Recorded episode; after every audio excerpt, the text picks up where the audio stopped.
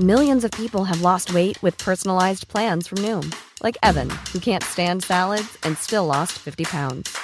Salads, generally, for most people, are the easy button, right? For me, that wasn't an option. I never really was a salad guy. That's just not who I am. But Noom worked for me. Get your personalized plan today at Noom.com. Real Noom user compensated to provide their story. In four weeks, the typical Noom user can expect to lose one to two pounds per week. Individual results may vary.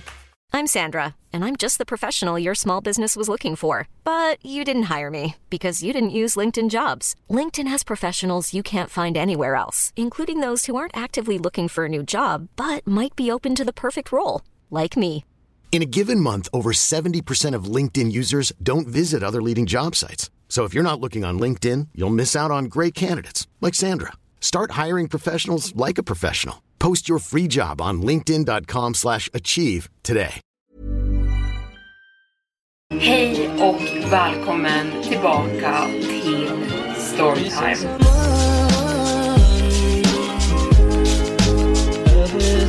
Varmt välkomna tillbaka till Storytime med mig Evelin Blomfelt.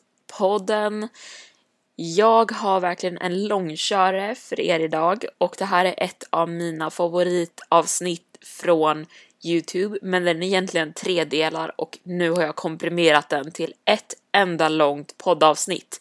Så det blir verkligen långt. Eh, jag hoppas att ni gillar detta. Glöm inte bort att följa podden där ni lyssnar på den. Så kör vi igång. Jesus värld, där ett barns lycka är garanterat. Nåväl, det är i alla fall hur deras slogan gick när jag var yngre. Jag vet vad ni tänker.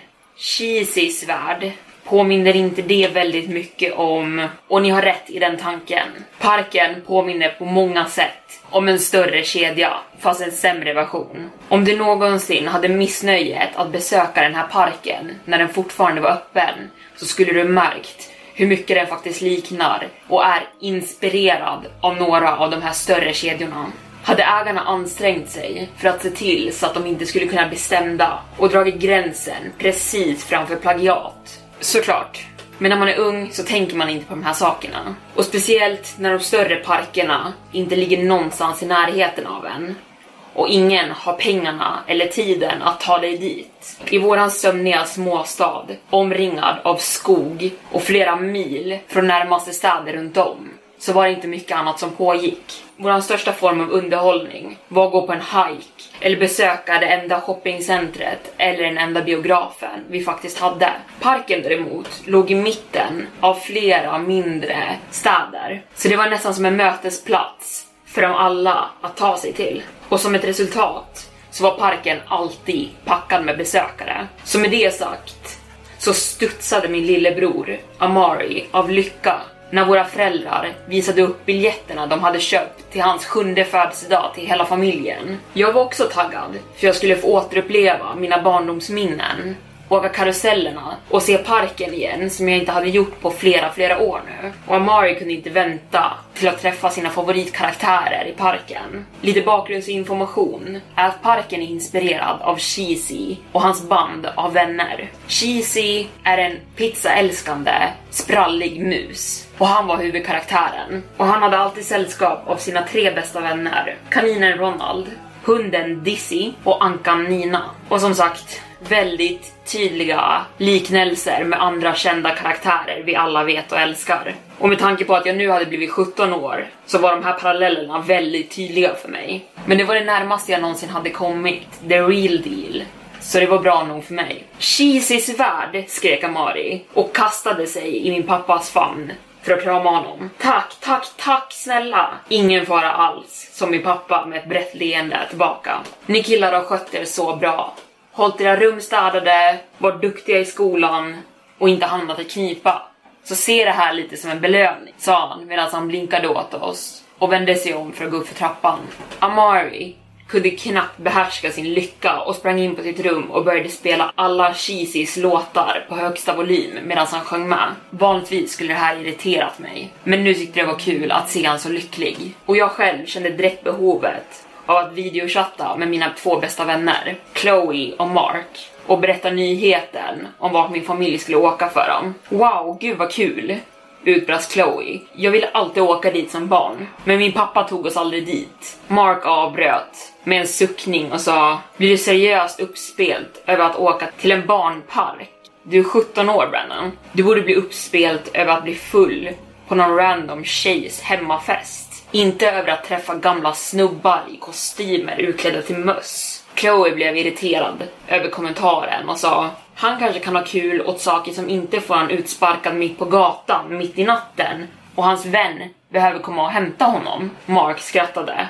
Ja, just det. Men jag hade inte min bil då. Tack för skjutsen, Chloe. Inget problem, Mark. Någon måste ju agera hjälte, eller hur? Poängen är, jag tycker det är jättekul att Brandon ska göra någonting roligt med sin familj. Och det är inte direkt som att han kommer hänga runt med karaktärerna där. De har massa roliga karuseller har jag hört. Jag nickade. Jajamän. Karuseller, billiga nöjesfältsnacks och deras världskända pizza. Och sen såklart alla spel. Jag kommer rensa ur på priser. Det kommer bli en fantastisk dag. Glöm bara inte bort att det är din lillebrors helg, sa Chloe. Jag vet att du vill ha kul, och det borde du. Men snälla försök att se till så att han kommer först den här helgen. Även om man vill göra alla tråkiga barngrejer. Mark kunde inte låta bli för att ta ett till slag mot parken. Allt är tråkiga barngrejer, Chloe. Tro mig, när jag jobbade där över sommaren så var det inte ett lyckligt ställe alls. Och det var inte så roligt som de marknadsförde att vara. Speciellt att jobba med karusellerna. Absolut inte värt en halvtimmes körning. Jag himlade med ögonen. Det är de tråkiga barngrejerna jag kommer ha roligt med. Jag lovar att ta med mig hem ett lasersvärd till dig också. Hur som helst, det är sent. Jag borde gå och lägga mig. Vi ses imorgon i skolan. Chloe och Mark höll med. Sen la vi på och jag gick och la mig. Dagen därpå satt jag ute vid ett lunchbord på skolgården och petade i en väldigt icke-aptitlig makaronlåda när jag hörde mitt namn bli ropat över skolgården. Nog med att jag var den enda svarta killen som gick på våran skola. Det gav mig en del blickar redan som det var. Men Mark hade en tendens till att dra ännu mer uppmärksamhet till våran grupp. Jag såg mot vänster och såg honom komma gåendes med ett stort leende och sina långa ben. Chloe syndes knappt bakom honom eftersom att han var så lång där han kom och gick mot mig. Hennes långa bruna hår täckte halvt hennes fräkniga ansikte när hon såg ner i marken och skämdes för Marks skrikande. När han nådde mitt bord drämde Mark ner sin tallrik med pizza på bordet. Kan du ens fatta att de valde att servera bra pizza till oss för en gångs skull idag? Hur vågar de faktiskt servera någonting ätbart? Jag menar, titta på den här utsökta biten av pepperoni som Mark sarkastiskt medan jag tittade ner mot min makaronlåda en gång till och instämde. Ja, galet. Medan alltså, jag satt och petade i min mat satt Chloe och stirrade på mig. Vi hade känt varandra sedan vi var barn. Jag hade sett henne växa upp från min klumpiga bästa vän som åt godis från marken och klättrade i träd med mig till en av de mest fantastiska tjejerna på den här skolan. Och trots att jag såg henne varje dag så märkte jag alltid när hon såg mot mitt håll. Jag kunde oftast avgöra när Chloe var irriterad eller arg men bortsett från det så var hon väldigt svårläst. Hon hade inte mindre än A i betyg i alla sina ämnen. Man visste aldrig om hon satt och stirrade för att hon var borta i sina egna tankar i sin egen värld. Eller om hon var oroad över någonting som för sig gick just nu. Är du okej okay, Chloe? Och nästan som att hon bröt ur sin trans rök hon till och sa Åh, eh, ja, förlåt. Jag, jag bara satt och tänkte på någonting. Tänkte på vad? Frågade Mark. Nå, jag... Innan hon hann avsluta sin mening blev hon avbruten. José, som jag känt sedan mellanstadiet. José hade alltid haft intresse för det makabra och teknologi och det var så jag hade lärt känna honom. Han gled in på bänken bredvid mig vid bordet. Han hade uppspärrade ögon och granskade mig från topp till tå. Han skakade sitt huvud medan han började prata och sa Brandon, ska du verkligen åka till Cheesys värld?” Ja, vadå då då? Hur visste du det? Jag hörde Chloe berätta det för Amber, men skitsamma, hör på. Det är någonting riktigt fel med det stället. Dåliga saker händer där. Jag slängde en blick mot Chloe och hon ryckte bara på axlarna. Jaså, sa jag. Dåliga saker som, jag vet inte, barn som springer för snabbt mot godisaffären, snubblar, skrapar upp knäna. Jag hörde att det var ett problem. Du vet, nu när jag tänker på det så hörde jag att ett år var det en kille som åkte dit och hade så roligt så att han sov i två dagar efter han varit där. Han skoffade åt min sarkasm och sa nej, dåliga saker, som att barn försvinner. Han vände sin mobilskärm mot oss andra tre och lite förvånande så var det där en artikel om en liten flicka som hade försvunnit där förra året och aldrig hittats. Chloe nickade. Åh, ja, jag kommer ihåg den där artikeln. Läskiga grejer, José, sa Mark, ointresserad. Jag är säker på att många barn försvinner på många ställen. Det betyder egentligen inte någonting konstigt. Nej, ni fattar inte. José började nästan skrika innan han sänkte sin röst till bara en viskning och lutade sig närmare oss. Det var inte bara det där barnet. Jag har hittat flera artiklar om barn som försvunnit där under åren och det går bak hur många år som helst. Legenden säger att de låser upp barnen i katakomberna som ligger under parken. Mark skrattade. Dude, de kunde inte ens betala oss tillräckligt mycket för att vi skulle dyka upp i tid. Så tror du att Cheesys värld verkligen får sina anställda och kidnappa barn åt dem? Plus, jag har inte sett en enda nyhetsstory på TV om barn som försvunnit där. Folk berättar legender om allt nu för tiden. Visa mig en verifierad artikel om det här. De betalar ju förmodligen människor för att begrava artiklarna om det, sa José medan han slängde upp sina armar. Man måste verkligen djupgräva för att hitta artiklarna överhuvudtaget. Men de är där. Jag kan visa flera och jag kan visa att det finns artiklar om det. Jag såg ner på min klocka och såg att det var en halvtimme kvar av lunchrasten. Wow, eh, jag kom just på att eh, Mr Press ville prata med mig, Chloe och Mark om vårt projekt. Eh, så vi ska gå över till hans kontor innan lunchen tar slut. Men tack för informationen José.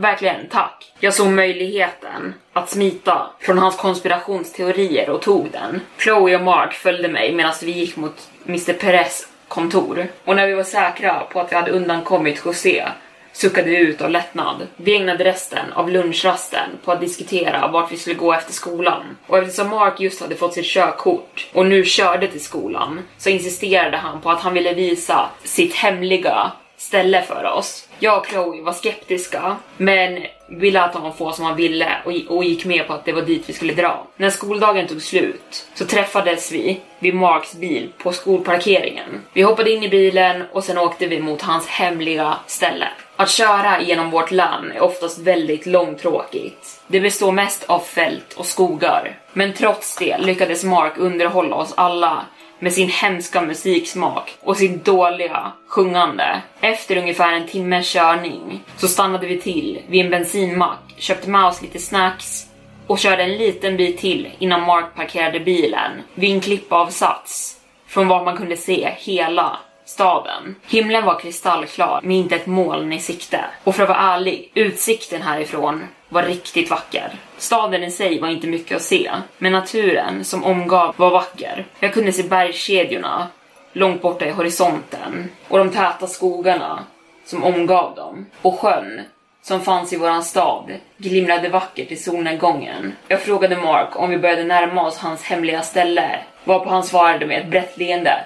Det här är mitt ställe. Han klev ur bilen och sprang över till bakluckan varpå han drog fram några strandstolar med ett sexpack öl. Ingen kommer upp hit. Så jag brukar bara komma hit, ställa upp en stol och tänka ibland. Chloe skrattade till. Wow Mark, så det är här du spenderar all din fritid istället för att plugga? Hallå? För att vara rättvis, jag har ett stabilt C i de flesta ämnena och om jag gör bra ifrån mig på proven så kan jag komma undan med att hoppa över att plugga hemma. Chloe såg mot honom med höjda ögonbryn och skrattade till. Det är inte exakt sant, men jag låter dig få den kompis, sa jag medan jag vek ut en av strandstolarna och ställde den bredvid honom. Mark sträckte över två öl till mig och Chloe och sen satte han sig ner i sin egen stol. Han höjde ölen i sin hand och visade på att vi skulle göra detsamma. Sen sa han Skål för fredag. Jag stämde in och sa detsamma medan vi skålade våra ölburkar mot varandra och Chloe skrattade åt oss. Hennes två idiotkompisar. Hon sippade bara på sin öl, mest för att hålla oss två sällskap. Och vi satt bara och pratade och tittade ut mot solnedgången tillsammans. Det här var den sista stunden av lugn och glädje jag kommer ihåg på ett bra tag efter det här. Och jag önskar verkligen att man skulle ha uppskattat tiden mer. Magsprudlande, eldiga energi och Chloes stadgade lugn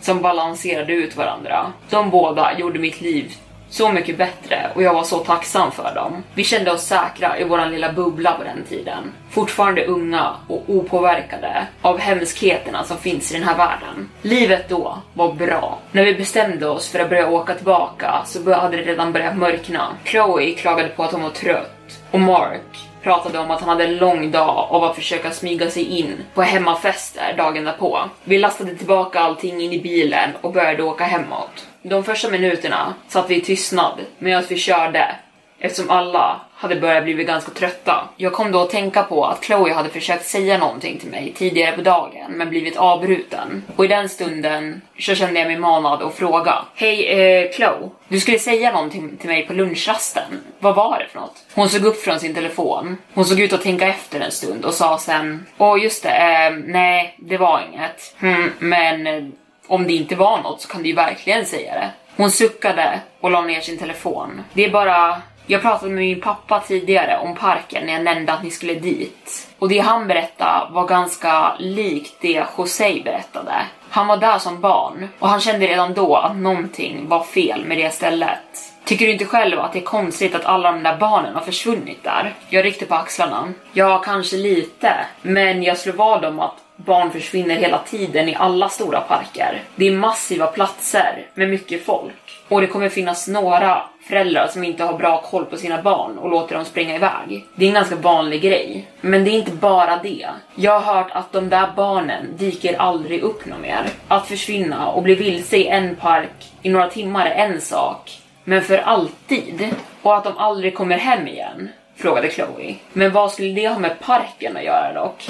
Jag kanske kommer ihåg några fall av att det har hänt, men alltså som Mark sa, de är inte ens verifierade sanna. Jag vet inte svarade hon och ryckte på axlarna. Men det är inte bara barnen. Min pappa nämnde någonting om att karaktärerna beter sig konstigt där. Han sa att han gillade inte sättet de rörde sig på när han var liten. Jag säger inte emot att det är konstigt Chloe, men vad skulle få en park att vilja ha random barn? Och ännu mer, fler av dem. Vad ska de med dem till? Och om parken har något med det att göra, borde de inte ha blivit stämda för länge sen. Och när det kommer till karaktärernas utklädnader så tycker väl alla att de är smått obehagliga egentligen. Mark flikade in och sa Stället var otroligt normalt när jag jobbade där i alla fall. Och som en person som har spenderat alldeles för mycket tid av sitt liv där så kan jag säga att ingenting konstigt någonsin hände där. Jag vet inte hörni, glöm att jag sa något. Poängen var bara att när jag började tänka på det så började jag bli lite skrämd av hela tanken. Men lova mig bara att vara försiktig och håll utkik efter några obehagliga människor som hänger där. Jag har lite familjesaker att ta hand om på förmiddagen men jag har en present åt Amari och jag hade jättegärna velat ge den till honom. Jag hade velat ge honom den i parken. Jag kanske skulle kunna möta upp er lite senare innan ni ska dra därifrån. Ja, den största faran han kommer befinna sig i är att börja spy efter att han åkt vilda musen med mig. Och förresten, vad, vad har du köpt han? Jag köpte ett låsleka-kit. Jag kommer ihåg att du själv brukade leka med sådana när du var yngre. Så jag tänkte att jag lika gärna kunde köpa ett till honom så vi kan se om han har samma talang. Och just det, jag kommer ihåg att jag alltid hamnade i trubbel för att jag gick runt och öppnade massa dörrar. Men kan du inte bara vänta till tills vi kommer hem från parken med att ge honom hans present? Vi bor ju trots allt väldigt nära. Jo, det skulle jag, men jag vill jättegärna följa med på hans födelsedagsmiddag. Jag har aldrig missat ett år hittills och jag vill inte göra det nu. Ja, det har du rätt i, Chloe. Jag log brett mot henne. Och ja, jag ska hålla Hålla bra uppsikt över honom. Resten av bilfärden hem satt vi i tystnad då alla var trött från att ha hängt hela kvällen. Chloe var den första som släpptes av och när Mark körde upp framför mitt hus så sa han Du vet att hon oroar sig för dig? Ja, jag vet. Chloe var, har varit min bästa vän sedan vi var barn. Jag oroar mig för henne också. Han skoffade. Ja, det är jag säker på att du gör. Ni kommer ha skitkul i parken imorgon och allting kommer gå bra, sa han. Men släng iväg ett sms till henne bara för att försäkra henne om att allting är okej. Okay. Och låt henne ge sin present till Amari i parken. Jag slår vad om att han skulle älska det. Ja, det skulle han säkert, sa jag medan jag höjde ett ögonbryn åt hans plötsliga mjuka sida. Varför är du så oroad över det här? Ganska ovanligt för att vara du, sa jag. Han ryckte på axlarna och sa jag kanske oroar mig för mina vänner jag med, trots att jag kan vara en idiot ibland. Jag klev ur bilen och han blinkade åt mig innan han körde iväg och tutade två gånger innan han lämnade min gata.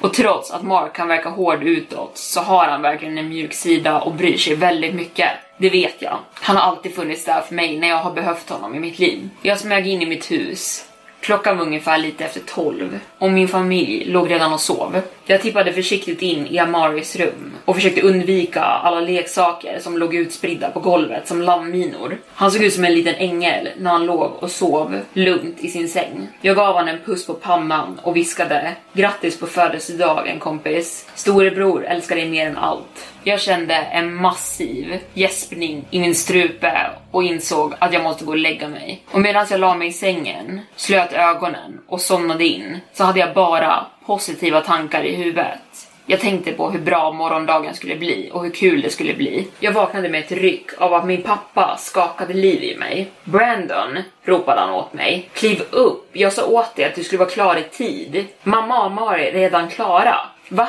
Vad är klockan? Svarade jag groggy medan jag försökte öppna mina ögon. Klockan är sju på morgonen. Vi skulle ha varit där för en halvtimme sen. Så kliv upp och gör dig redo, snälla. Sju på morgonen. Det är typ tre timmar tidigare än vad någon borde vara vaken. Varför ska vi åka så tidigt? Han skakade sitt huvud av irritation och sa för att alla åker dit tidigt och om vi inte är där i tid så kommer vi spendera hela dagen på att stå i köer till allting och inte kunna göra någonting. Och varför väckte du inte mig nu igen? För att du är 17 år Brandon. Jag förväntade mig att du skulle kliva upp utan att jag skulle behöva säga åt dig. Du har 15 minuter på dig. Antingen kliver du upp och gör dig redo eller så åker vi utan dig. Jag suckade och tog mig upp ur sängen, skyndade mig och tog en snabb dusch, klädde på mig, borstade tänderna. Sen tog jag mig ner för trapporna och sa åt resten av min familj att jag var klar nu. Jag kunde redan se att Amari var på ett dåligt humör när jag kom ner. Grattis på födelsedagen Amari! Hur är det med dig lillebrorsan?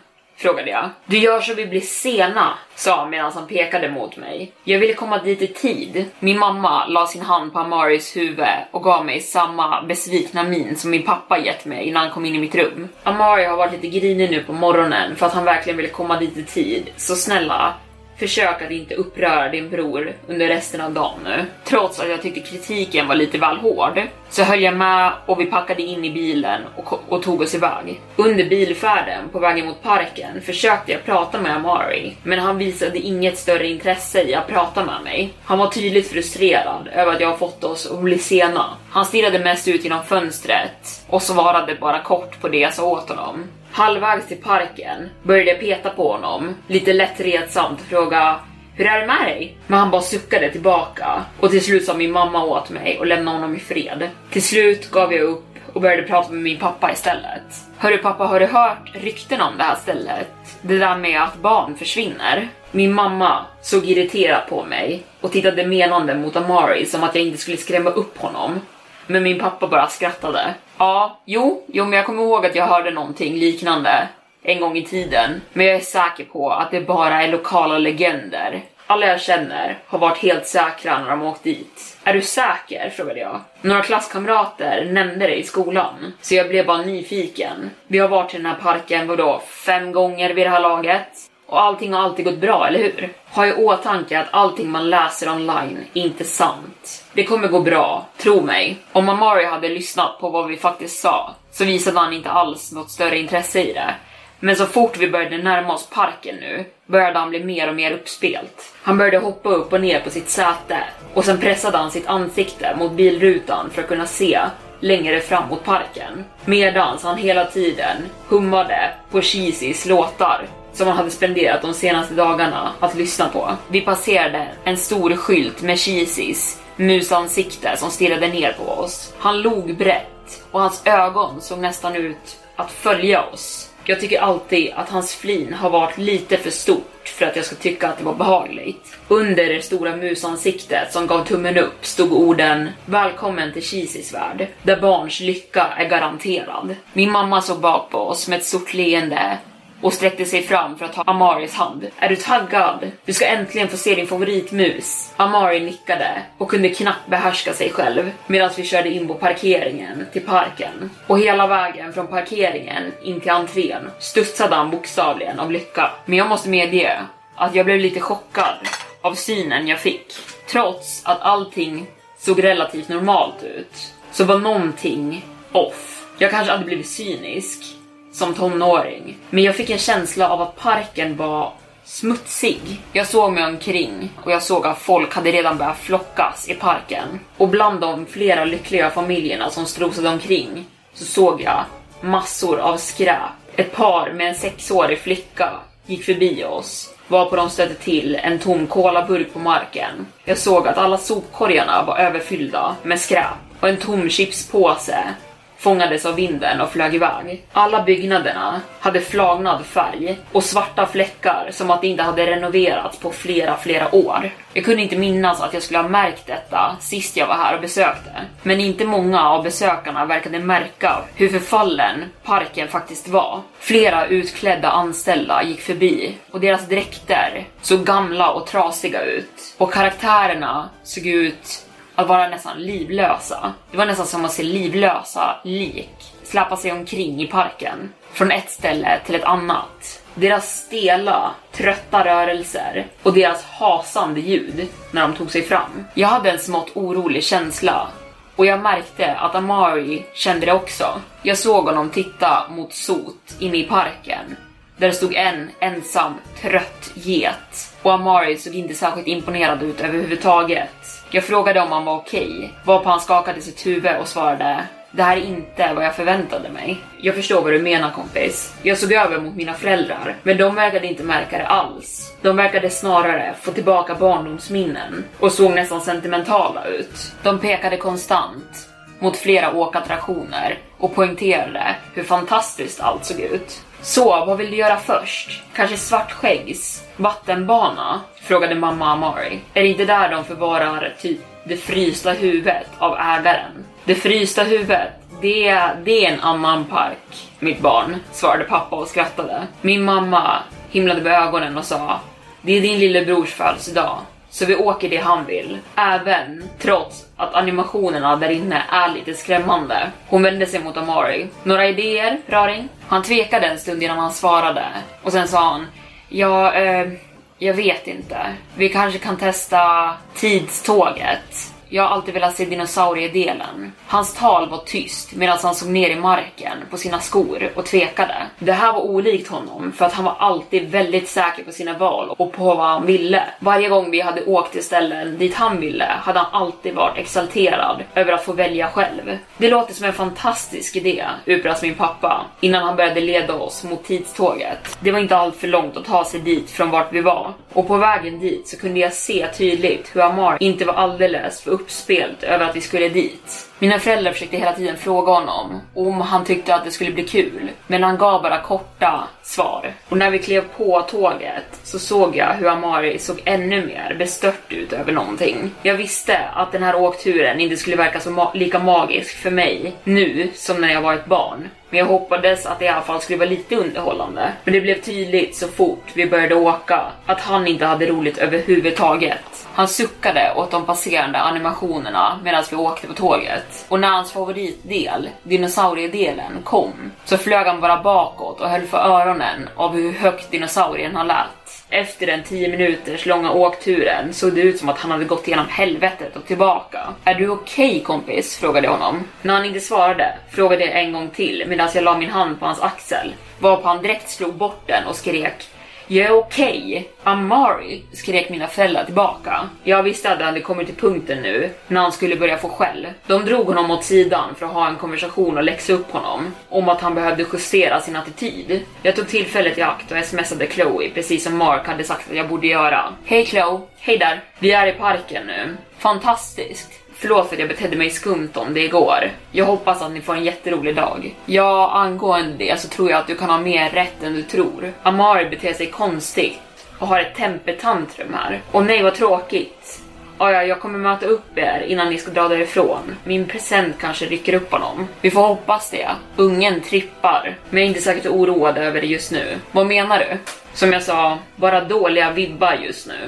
Men mina föräldrar kommer tillbaka nu, vi hörs senare. Mina föräldrar kom tillbaka med Amari i hand och jag såg hur han torkade bort tårar ur ögonen. Är allting okej? Okay? frågade jag. Amari har bara ett litet attitydproblem, men nu vet han att om han inte bättrar sig så åker vi raka vägen hem. Jag menar, ni skulle bara kunna lämna mig här om ni gör det, för jag kan få skjuts hem.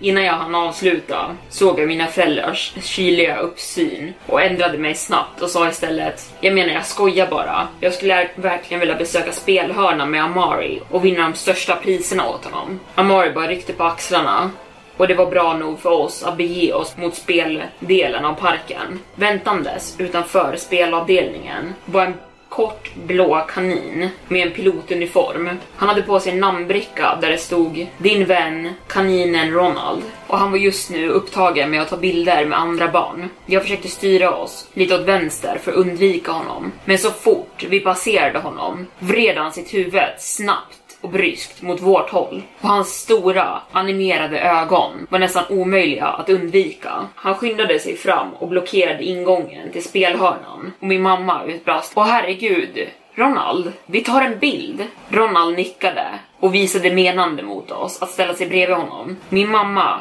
frågade en ung kille om han kunde ta bilden på oss alla tillsammans. Ronald la sina armar runt oss. Enda jag kommer ihåg var hur det kändes när han rörde vid mig. Det kändes bokstavligen som is pressades mot min hud när Ronald la sin tass på min axel och en iskall kår gick ner för min ryggrad. Jag såg att Amari tvingade fram ett leende på bilderna och hur obekvämt det här än var för mig så visste jag att det var värre för honom. Han såg ut att bli livrädd av maskoten. Och när bilderna var tagna klev han direkt bort och vägrade se upp på den. Jag höll Amari i sällskap inne i spelhörnan och försökte lugna ner honom så mycket som möjligt. Och fastän vi vann fler spelbiljetter än vad han visste vad han skulle göra med, så var det fortfarande någonting som fick honom att känna sig extremt stressad. Han vankade igenom spelhörnan utan någon vidare motivation till att faktiskt spela eller leka. Och han tappade helt fokus när vi faktiskt spelade någonting. Och när han fick syn på personalen som var utklädda till olika karaktärer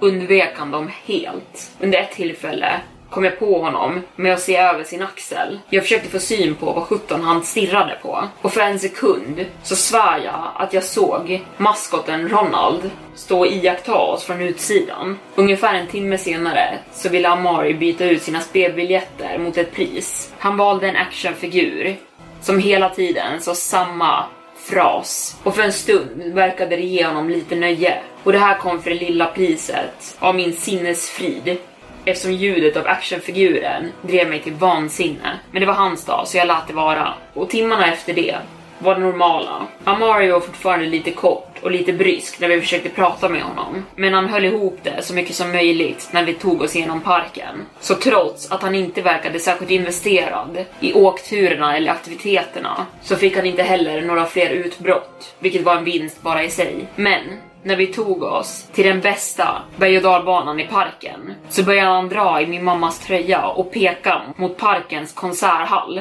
Men jag vill se showen, gnällde han. Amari, din bror har velat åka den här berg och dalbanan hela dagen och vi har gjort allting annat du har velat. Sa min mamma bestämt. Vi går inte ur kön för att gå iväg nu. Han stampade sin fot och tårar började ta form i hans ögon. Men hörru, kom igen.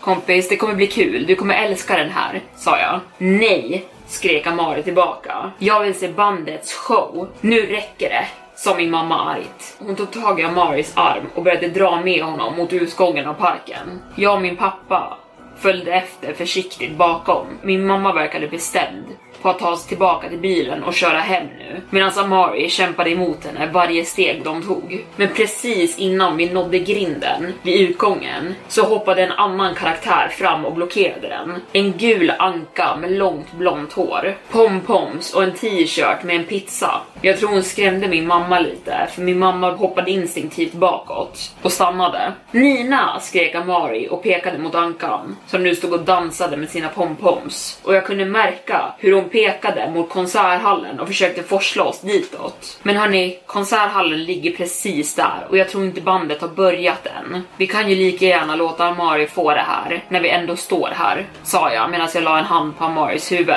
Mina föräldrar höll inte direkt med, så jag fortsatt. Kan vi snälla bara göra det här för honom? Han har inte haft den bästa dagen hittills. Och vi kanske kan göra den här sista grejen för honom så att hans födelsedag ändå blir lite speciell. Mina föräldrar övervägde en stund och till slut ryckte min pappa på axlarna och nickade. Låt gå, men Amari, jag vill att det här är slutet på din attityd. Med ett leende på läpparna smsade jag Chloe att komma hit. Och på insidan, på konserthallen, hade bandet precis kört igång. Cheesy stod längst fram på scenen med en mikrofon i handen. Den gråa musen hade sin standardoutfit. En grön t-shirt med en pizza på. Han hade sportiga shorts, gula, stora skor och sina klassiska vita handskar. Och allt var toppat med den där klassiska regnbågshatten med en propeller på. Cheesy ledde sitt band av pizzaälskande djur och vi stod i publiken. och Amari började studsa till musiken. För en stund verkade han lycklig. Min mamma lyckades till och med få till en bild på honom med hans actionfigur i ena handen och en pizzaslice i andra. Men det var bara tills ett annat barn kom fram och tog tag i Amaris actionfigur och sa Kolla mamma, kan vi också skaffa en sån här? Den andra lilla pojken såg upp på sin mamma med vädjande ögon. Amari reagerade inte bra på det här. Han ställde sig direkt upp, drog tillbaka sin actionfigur ur pojkens händer och puttade honom till marken medan han skrek nej. Då tog min mamma och pappa direkt tag i honom och började dra honom mot utgången. Jag visste att Amari hade varit upprörd under dagen, men han hade aldrig varit våldsam. Vi alla var totalt chockade över hans beteende. Innan vi hann ta oss till utsidan så stannades vi av ännu en karaktär, Dizzy. Han var lång och hans breda armar blockerade hela utgången. Flytta på dig, röt min pappa fram. Han bara skakade på sitt huvud tillbaka och pekade mot en av killarna i personalen som skyndade sig fram till oss. Hej hörni! Jag såg vad som hände och här på Cheezys värld så vi vill ha en trygg miljö för alla. Kom till saken, röt min mamma fram. Vi vill bara ta in er och göra en rapport om vad som just hände. Vi skulle bara behöva ta in er på våra kontor för att göra en rapport om incidenten. Jag vill försäkra er om att ni är nipa och vi förstår att såna här saker händer. Bara ta ansvar när dessa saker inträffar. Men vart är eran son? Han är precis här, som min pappa och insåg att han greppade efter den tomma luften. Han såg sig frenetiskt om, men såg inte Amari nog. Han skrek Amari! Amari! Det tog mina föräldrar några sekunder att springa runt konserthallen för att leta efter Amari. Jag stod i chock, osäker på vad jag skulle göra. Hade han sprungit iväg? Så mycket av det här var olikt honom. Jag sa åt mina föräldrar att jag skulle komma tillbaka snart. Jag sprang ut och började skrika hans namn. Jag sprang runt konserthallen, ner till tåget och runt varenda byggnad han kunde ha gömt sig bakom, desperat sökandes. Jag puttade flera människor ur min väg för att försäkra om att ingen hade tagit honom och nu försökte lämna parken. Vid laget jag kom tillbaka kunde jag se mina föräldrar grät. De hade fått höra att vi skulle behöva ta oss till parkchefens kontor för att prata med säkerhetsvakterna om vart Amar kunde vara. En miljon tankar gick igenom mitt huvud samtidigt. Hade någon tagit honom? Var han säker? Jag kunde redan känna hur tårarna började bränna i mina ögon medan mitt huvud bombarderades av flera hemska scenarion. Jag började bli arg på mig själv. Hur kan jag ha låtit honom försvinna på det där sättet? Varför fick inte de anställda i parken panik på samma sätt som vi fick? När vi tog oss till säkerhetsvakterna så försäkrade de oss om att de hade människor ute som letade efter honom och att de kollade säkerhetskamerorna hela tiden. Vi stannade ända till stängning och det hände ingenting. Det här var inte ett bra nog svar för mina föräldrar och de skällde ut säkerhetspersonalen för att de inte gjorde ett tillräckligt bra jobb för att leta efter min bror. Ingen av oss kunde förstå hur Amari kunde försvunnit utan att någon hade sett någonting. Till slut blev polisen involverad och efter flera timmars väntande sa de att de skulle sköta det och att det inte fanns någonting annat vi kunde göra här och nu. De sa åt oss att vi behövde åka hem och att de skulle kontakta oss om någon ny information dök upp. Det gjorde så ont att vi skulle behöva lämna parken utan Amari. Det kändes som att vi lämnade honom åt något okänt öde. Jag var helt förberedd på att stanna i parken ända tills vi skulle hitta honom och få hem honom säkert. Och ändå var verkligheten att vi var tvungna att åka hem utan honom. Så många känslor gick igenom min kropp på en gång. Ilska, sorg, förvirring. Jag ville bara ha min bror tillbaka och det kändes inte som att vi gjorde tillräckligt för att få honom tillbaka. Jag kollade inte på min telefon förrän vi gick mot utgången och jag hade flera missade samtal och sms från Chloe och vid det här laget hade jag inte styrkan i mig att träffa henne och när chocken rann av mig så, hade jag, så kunde jag bara förmå mig att smsa henne kort och skriva Amari är saknad. Jag såg hur några råttor sprang ut från underifrån våran bil när vi, när vi öppnade bildörrarna och satte oss i den. Och sekunden vi alla tre satte oss i bilen bröt vi alla ihop. Min pappa slog knytnäven i ratten. Min mamma klängde fast vid honom och grät högt. Och vi alla grät oss till sömns den natten. Och vi alla grät oss till sömns den natten. Min bror var saknad. Flera veckor passerade utan några nyheter alls. Vi försökte hålla kontakten med parken och polisen varje dag, men vi fick alltid samma svar. De kollade in i det. Vi fick höra att de hörde av sig till människor som besökt parken under dagen för vittnesmål och att de gick igenom timmar och timmar av säkerhetsvideor från dagen. Men trots det hände ingenting nytt. Vi organiserade skallgångar för att söka av området runt Cheesys värld och närliggande städer. Vi jagade rätt på människor som jobbar på parken för mer information, men ingen hade någon. Att säga att jag var frustrerad vid det här laget var en underdrift. Det kändes som att ingen i hela världen brydde sig en fraktion av lika mycket som jag brydde mig. Folk blir arresterade för mord de begått av att ha råkat lämna kvar ett, ett hårstrå av DNA medan min lillebror blev kidnappad rakt under min näsa och allt någon hade att säga var “jag vet inte”. Hur i helvete är det logiskt? Depressionen slog till hårt efter det. Jag kunde inte komma undan mina känslor av skuld för Amaris kidnappning och min hjärna jobbade övertid med att komma på olika förklaringar till vad som kunde ha hänt och vad jag kunde ha gjort för att undvika den här situationen. Kanske om jag hade vaknat tidigare den dagen så hade han inte varit på ett dåligt humör. Och kanske om jag inte hade insisterat på att åka den där berg och dalbanan. Och kanske om jag bara hade haft mina ögon på honom en sekund längre den dagen. Om jag hade bara gjort någonting annorlunda så kanske min lillebror fortfarande skulle vara här med mig. Jag skulle få se det där vackra leendet och få en kram varje dag när han kom hem från skolan. Stressiga tankar plågade min hjärna. Jag kunde inte äta, jag blev letargisk och smärtan av att förlora Amari fick min mage att verka varje gång jag tänkte på det. Som ett resultat av allt det här så kunde jag inte gå till skolan på flera veckor. Och när man bor i en liten stad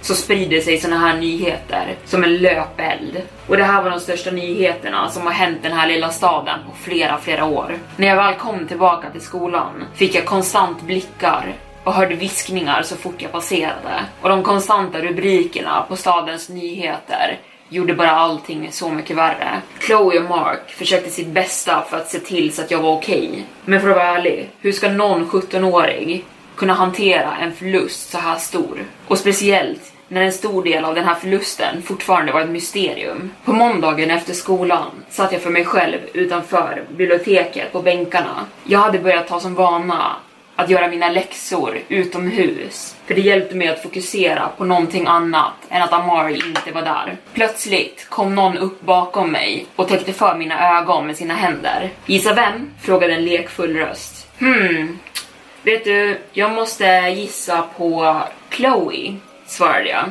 Ah, kunde du inte ens gissat fel en gång för min skull? sa Chloe och suckade av besvikelse. Jag ryckte på axlarna.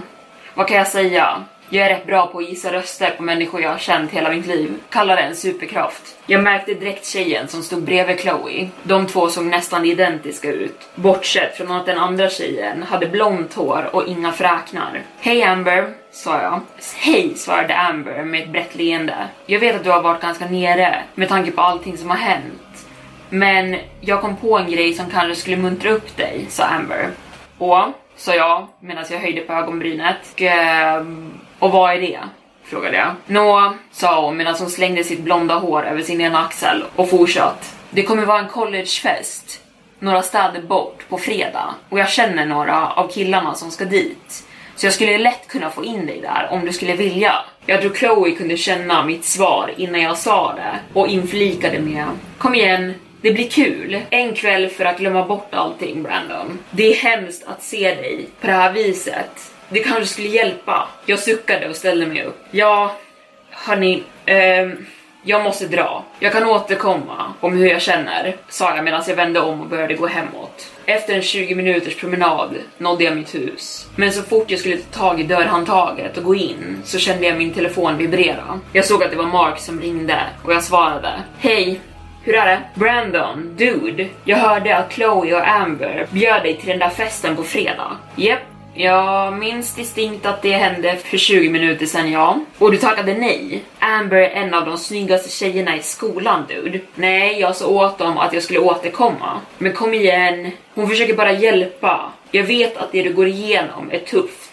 Jag kan inte ens föreställa mig hur det skulle kännas att förlora min lillasyster. Om du fortsätter isolera dig med smärtan så kommer det aldrig bli bättre. Marks röst sänktes lite innan han fortsatt. Du måste göra saker som gör dig lycklig igen. Och hur dumt det än låter så kanske den här möjligheten skulle få dig att kännas bättre bara i några timmar. Att bli full kommer inte lösa mina problem, Mark. Det kanske funkar för dig, men alkohol kommer inte få tillbaka Amari. Plus, vad fan vet du om trauma? Jag hade inte ens märkt förrän nu hur mycket jag hade höjt rösten mot Mark. Det är fantastiskt att du har en idé om hur du skulle känna om du var jag.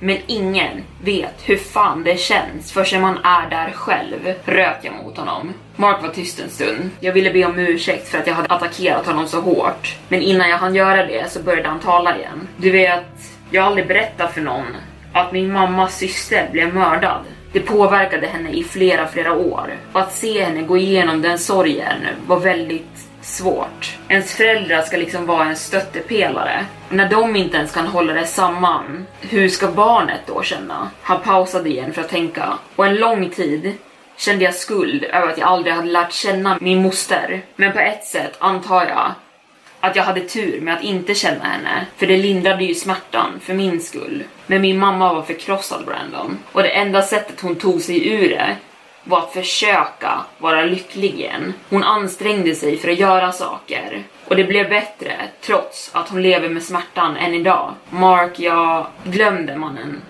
Det är lugnt. Min poäng är, det är naturligt att känna hur du än känner. Jag är säker på att de andra familjerna som hade förlorat sina barn känner exakt samma sak. Men du måste börja någonstans, hur ont det än gör. Och i slutet av dagen så finns det fortfarande hopp att Amari kommer hittas. Men det kommer inte hjälpa att du gräver ner dig tills du får nyheten om att han har blivit hittad eller...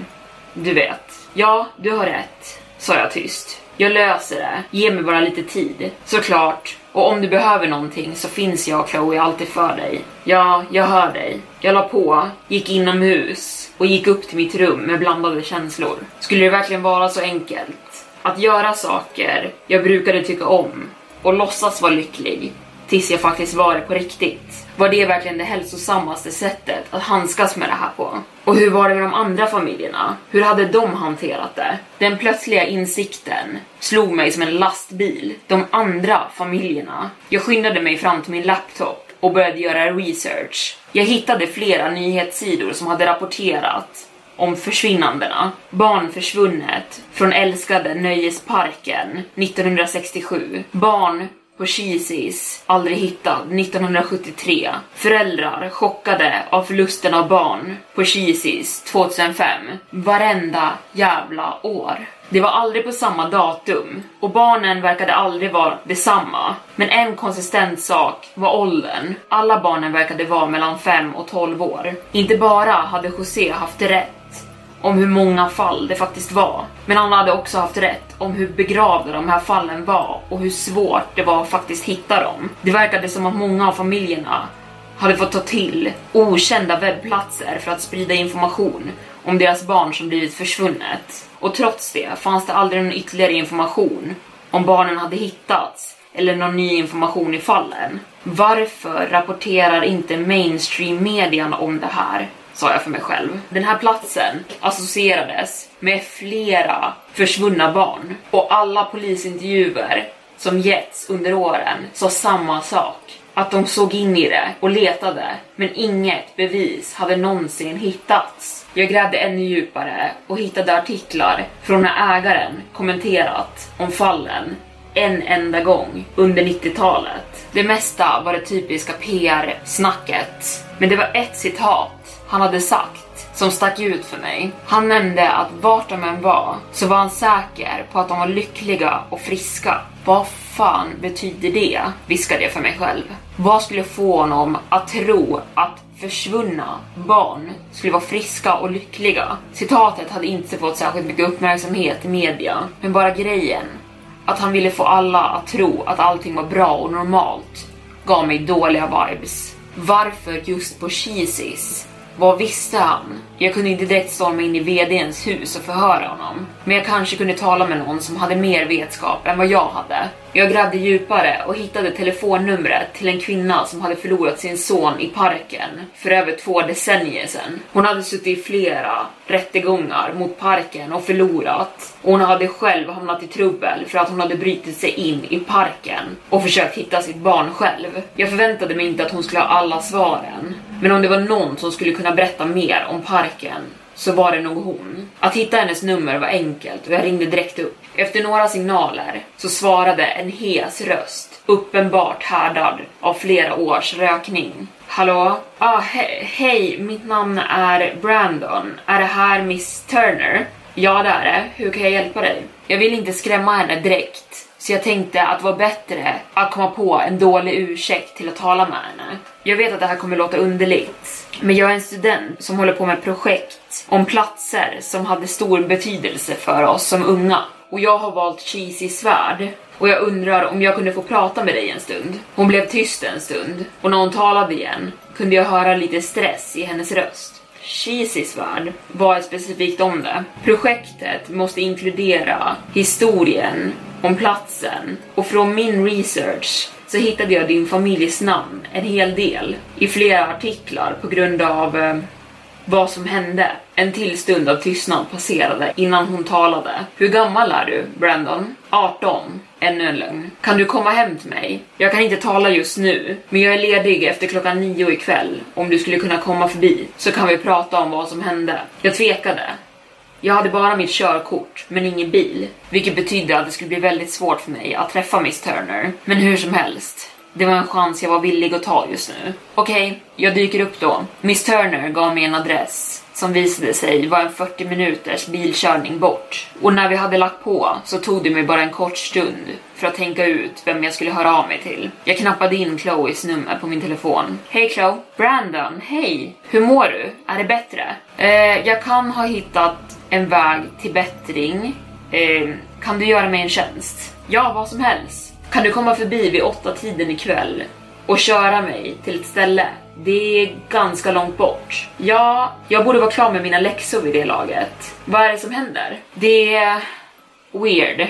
Jag kan inte riktigt förklara vad det är som händer. Jag går lite på instinkt just nu. Hör på, du nämnde festen på fredag, eller hur? Och jag lovar att om du gör mig den här tjänsten så följer jag med och försöker ha så trevligt jag bara kan. Men bara på villkoret att du gör det här för mig utan att ställa följdfrågor. Såklart, jag är alltid här för dig, det vet du. Jag tackade henne och la på. Planen om vad jag nu skulle göra började redan formas i mitt huvud. Och dessvärre så ville jag hålla Chloe så långt borta från sanningen som möjligt. Jag vet att det låter dumt och själviskt. Och det var det absolut. Men jag ville inte blanda in Chloe för mycket och för djupt i någonting som skulle bli en börda att hantera. Och inte bara det, om hon skulle få reda på att jag gjorde research om parken så skulle hon göra allt i sin makt för att få mig att hålla mig borta från det för min egen mentala hälsas skull. Och hon skulle absolut inte ge mig skjuts till vart jag skulle. Men ändå, jag kunde verkligen se att mina vänner gjorde sitt yttersta för att få mig att må bättre igen och för det uppskattade jag dem enormt mycket.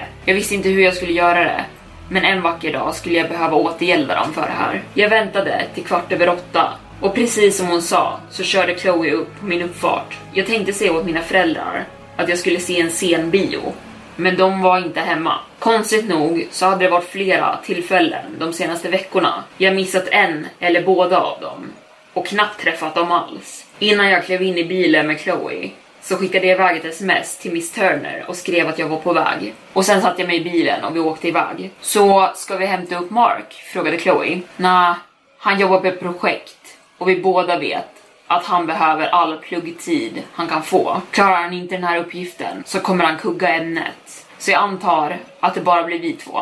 Ah, precis som de gamla goda tiderna, svarade hon. Ja, då när saker inte var lika fuckade. Sluta med det där Brandon, snälla. Kan vi försöka ha en positiv stämning? Hon böt ämne.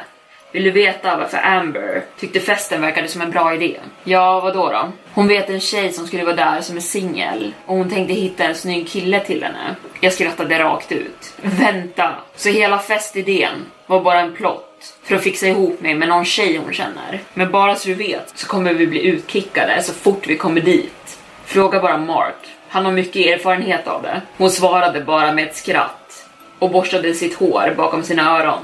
Och ännu en gång var ett sånt tillfälle då jag verkligen såg Chloe och märkte henne när jag fick se hennes vackra leende. Varje perfekt drag i hennes ansikte tillsammans med hennes perfekta ögon. Det fyllde mig med värme och här satt jag ändå med någon jag brydde mig så mycket om och ändå ljög jag för henne. Jag hade inte berättat någonting för Chloe om vart vi skulle eller vem jag skulle träffa. Jag hade planerat att jag skulle lämna kvar henne i bilen när vi kom fram och sen dra någon bullshit förklaring när jag var klar. Trots att det dödade mig inombords. Hon hade gjort så mycket för mig. Så det minsta jag kunde göra nu var att hålla resten av resan positiv. Vi skrattade och skrattade genom hela bilfärden och det kändes nästan som att alla mina problem började smälta bort. Såklart fick omständigheterna mig att ändå inte lyckas känna mig helt normal. Men för stunden så kändes det bättre än vad det hade gjort på en lång tid. Till slut körde vi upp bredvid det icke distinkta huset i en mörk förort. Jag sökte upp adressen en gång till för att dubbelkolla att det var rätt. Och det var det. Chloe började resa sig upp i bilen, men jag hann ta tag i hennes arm och dra tillbaka henne. Vad gör du? frågade hon. Jag måste gå in ensam. Varför? Körde jag hela den här vägen för att du skulle lämna mig i bilen? Det är verkligen personliga grejer Chloe. Och kom ihåg, jag sa inga frågor.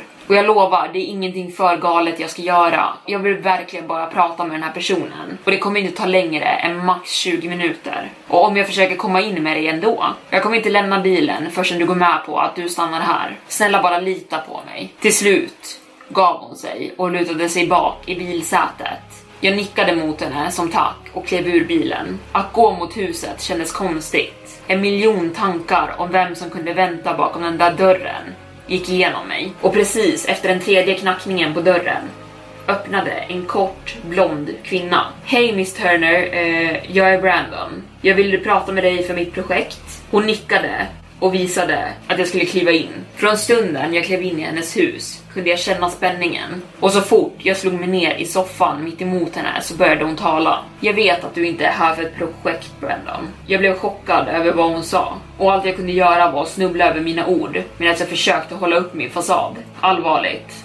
Det var en dålig lögn till att börja med. Hon hällde upp ett glas whisky, svepte det, sen erbjöd hon mig ett. Men jag tackade nej då jag inte litade på henne än. Hur visste du att jag ljög? frågade jag. För att jag har spenderat så jäkla mycket tid på att ta reda på allt som finns att veta om den där jäkla parken sen min son försvann. Och när jag hörde om din lillebror som försvann så visste jag att det förmodligen bara var en tidsfråga innan du skulle kontakta mig. Många människor kontaktar mig när deras barn försvinner, då jag har varit så himla öppen med vad som hände mig i media. Varför var du så övertygad om att det var parken som hade tagit din son Daniel? Hon skrattade om min fråga som att det var den löjligaste saken hon någonsin hört. När barn blir kidnappade är det nästan alltid av någon de känner. Innan jag flyttade hit bodde jag i en småstad med 2000 invånare. Jag kände alla. Jag hade inte en enda fiende och ingen ville mig eller Daniel illa där. Så du kan tänka dig vad det lämnar för scenarion. Galna främlingar. Men hur skulle du ändå veta att parken var involverad? Tänk på det Brandon. Skulle inte en populär nöjespark göra allt i sin makt för att förhindra att barn blir kidnappade på det här sättet? Kameras, säkerhetsvakter och människor som är där för att ha roligt. Allt det, ändå blir mitt barn kidnappat och aldrig hittat igen. Och sen säger de åt mig att de inte har hittat något spår av honom på alla dessa år. Hur troligt tycker du att det låter? Jag blev tyst en stund och övervägde det hon faktiskt sa. Sen fortsatte hon tala. Varenda familj jag någonsin pratat med har sagt samma sak. Ingen har varit ute efter dem och de har inte haft några fiender som skulle vilja ta deras barn ifrån dem. Och ändå har deras barn blivit tagna utan ett enda spår. Och för de allra flesta så händer det på en sekund. Ena sekunden står de och tittar i en karta för att hitta vägen till glassbaren. Nästa sekund är deras barn borta för alltid. Om det inte låter som att någonting konstigt försiggår i parken så vet jag inte vad jag ska säga dig. Det lät galet. Vad skulle en nöjespark med flera barn till? Och hur kunde de ta dem utan att någon såg någonting? Ingenting var logiskt. Tror du att ägaren är involverad? frågade jag. Jag såg att du hade utrett honom tidigare. Ledde det någonstans? Hon skakade sitt huvud. Nej, jag tror inte det. Om någonting så är parken bara en börda för honom. Från vad jag har hittat så ser det ut som att parken blöder pengar varje år och går back. Det har inte varit gynnsamt för honom på flera år. Mannen själv har inte visat sig där sedan på 90-talet. Men inte bara det. I en av intervjuerna så sa han att han önskade att parken skulle brinna till marken. Jag vet inte varför han väljer att ha kvar det, men från allt jag har, men från allt jag har uppfattat så är han inte involverad i det. Okej, okay, så från vad jag fattar så tror du att parken har min bror någonstans gömd? Tror nej. Jag är helt säker på det. Din bror, min son, varenda barn som har blivit kidnappad sedan 60-talet när jag lyckades ta mig in i ett av parkens säkerhetsbås hittade jag en lista med flera barns namn och deras favoritkaraktärer. Listan inkluderade inte bara min stackars Daniel. Den inkluderade så många andra namn på barn som försvunnit under åren och några som skulle försvinna i kommande år. Framtida år. Så de håller koll på barn. Varför gick du inte till polisen? Jag försökte, röt hon tydligt frustrerad från min misstro i henne. Men vem ska lyssna på den galna damen som bröt sig in i en nöjespark? Och varför skulle de inte bara tro att jag hade printat upp en lista själv med massa barns namn för att jag höll ett agg? Hör på Brandon, jag vet att det låter galet och det är det också. Men den där parken är ond. Ingen annan har velat ha de här barnen. Den sista platsen de någonsin har setts till är på Cheezys. Och Cheezys förnekar allt och alla anklagelser mot dem. Gör matten själv. Hennes ord ekade i mitt huvud. Vad hon sa kunde inte vara sant. Eller kunde det? Och om det var det så visste jag tyvärr exakt vart jag skulle hitta Amari nu. Men den stora frågan var fortfarande varför? Vad ville parken med en sjuåring? Jag är fortfarande nyfiken på varför du valde att berätta allt det här för mig. Och du sa aldrig varför vi var tvungna att göra det hemma hos dig. För att någon måste berätta för dig. Och jag kommer vara ärlig med dig. Att slåss mot den där parken är menlöst. Jag har testat på alla möjliga sätt. Men det enda jag kan göra är att ge någon slags tröst till de som har varit med om samma sak som jag. Och varför vi var tvungna att göra det här, det är mindre råttor här. Med det nickade jag, reste mig och gick. Jag kände mig inte bekväm med att säga hejdå det här hade trots allt inte varit något trevligt vänskapligt samtal och jag hade i princip just fått veta att min lillebror hade blivit kidnappad av en nöjespark jag praktiskt taget hade växt upp i. Så många tankar flös runt i mitt huvud när jag gick tillbaka till bilen och Chloe och hon kunde direkt se att någonting var fel. Nåväl, eh, du höll det under 20 minuter, vilket är bra, men det ser också ut som att någon har snott dina lunchpengar. Det är inget jag bara There's never been a faster or easier way to start your weight loss journey than with PlushCare.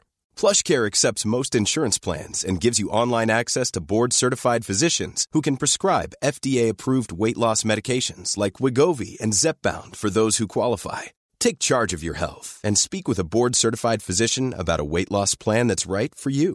Get started today at plushcare.com slash weight loss. That's plushcare.com slash weight loss. plushcare.com slash weight loss. If you're looking for plump lips that last, you need to know about Juvederm lip fillers. With Juvederm Volbella XC and Juvederm Ultra XC, your lip look, whether it's subtle or bold, can last up to one full year with optimal treatment and no additional maintenance. Find a licensed specialist and see if it's right for you at juvederm.com today. That's J U V E D E R M.com. Add fullness to lips in adults over 21 with Juvederm Volbella XC or Juvederm Ultra XC. Do not use if you have severe allergies or a history of severe allergic reactions, or if you're you're allergic to lidocaine or the proteins used in Juvederm. Tell your doctor if you have a history of scarring or taking medicines that decrease the body's immune response or that can prolong bleeding. Common side effects include injection site redness, swelling, pain, tenderness, firmness, lumps, bumps, bruising, discoloration, or itching. As with all fillers, there's a rare risk of unintentional injection into a blood vessel, which can cause vision abnormalities, blindness, stroke, temporary scabs, or scarring. For full important safety information, visit juvederm.com. Millions of people have lost weight with personalized plans from Noom, like Evan, who can't stand salads and still lost 50 pounds. Salads, generally, for most people, are the easy button, right? For me, that wasn't an option. I never really was a salad guy. That's just not who I am. But Noom worked for me. Get your personalized plan today at Noom.com. Real Noom user compensated to provide their story. In four weeks, the typical Noom user can expect to lose one to two pounds per week. Individual results may vary. Hiring for your small business? If you're not looking for professionals on LinkedIn, you're looking in the wrong place. That's like looking for your car keys in a fish tank. LinkedIn helps you hire professionals you can't find anywhere else, even those who aren't actively searching for a new job but might be open to the perfect role. In a given month, over 70% of LinkedIn users don't even visit other leading job sites. So start looking in the right place. With LinkedIn, you can hire professionals like a professional. Post your free job on linkedin.com slash achieve today. Det är bara mycket tankar. Chloe suckade. Brandon, jag ser på dig att du är full av smärta. Trots att jag aldrig kommer veta hur du känner så vill jag bara snälla att du ska prata med mig. Jag behöver veta att du är okej. Okay. Jag ville så gärna berätta allting för henne. Men allt jag kunde göra just nu var att stirra rakt ner i instrumentbrädet på bilen. Vid det här laget så ville jag verkligen inte ta, dra in Mark och henne mer i det här. Saker förändrades varje sekund. Hennes uppsyn gick från ilska till oro. Snälla säg bara någonting. Jag vände mig bort från henne som till svar och hon sa ja ah, okej okay. Jag fattar. Jag vet att du är rädd Brandon, men att gå igenom smärta ensam är det värsta sättet att hantera det. Vi körde tillbaka i tystnad och när hon lämnade av mig utanför mitt hus så viskade jag ett hejdå medan jag klev ur bilen. Jag gick upp till mitt rum och märkte att mina föräldrar fortfarande inte var hemma, vilket var konstigt men det var bra för min skull, för jag hade fortfarande ett till samtal jag inte ville att de skulle höra. Det lät som José halvsov när han svarade. Hallå? Tja, det är Brandon. Brandon, hej, jag hörde om vad som hände, jag är så less. Oroa dig inte för det. Du var den första som nämnde barnen som försvunnit i parken. Med det sagt så har jag några frågor. Först, hur visste du om allting om det här stället? Hans röst blev direkt seriös. Jag har alltid haft ett intresse lokala legender. Och det där stället har alltid gett mig dåliga vibbar. Och att läsa om alla försvinnanden var bara ett tecken på att jag hade rätt. Skulle du säga att parken har någonting att göra med försvinnandena? Ja, 100%. Det finns inte en chans att de inte har fått med barnens försvinnande på kamera någon gång. Om jag skulle få gissa skulle jag säga att de har allting sparat på sina datorer. Det här pikade mitt intresse. Det är intressant. Så om någon skulle få tag på de här filerna med kamerafilmerna så skulle man kunna avslöja dem en gång för alla, eller hur? Hypotetiskt, ja, du kommer inte kunna hacka deras datorer från utsidan. Det vet jag säkert. Och du kommer inte kunna ta dig ens i närheten under dagstid när de har öppet. Så hypotetiskt, vad skulle man kunna göra? Nå, det du skulle kunna göra som skulle funka är att ta dig dit fysiskt och placera en spionvara på någon av deras datorer. Och på så sätt skulle vi kunna få tillgång till allting på deras datorer. Och det involverar olaga intrång. Jag vet någon som skulle kunna hjälpa till med hur man tar sig in där. Problemet är att jag inte har någon hårddisk med spionvara. Och det är där jag skulle kunna hjälpa dig. Träffa mig imorgon efter skolan så ska jag ge dig någonting. Jag ville verkligen fråga José varför han hade spionvara överhuvudtaget.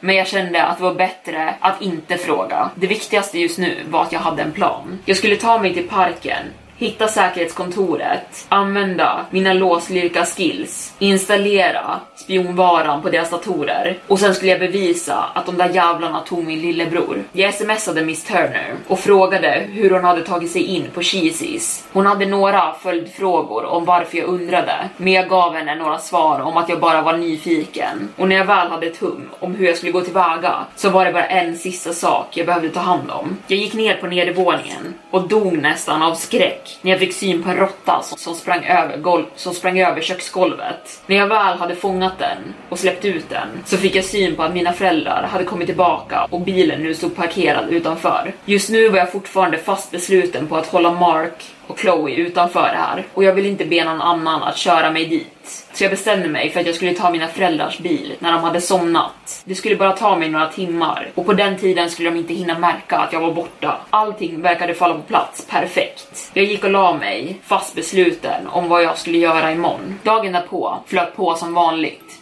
Chloe verkade vara på dåligt humör och var väldigt tystlåten. Mark försökte fråga vad som var fel, men hon gav inga direkta svar och sa att hon var okej. Okay. Mark ville att vi skulle göra något efter skolan för att muntra upp henne.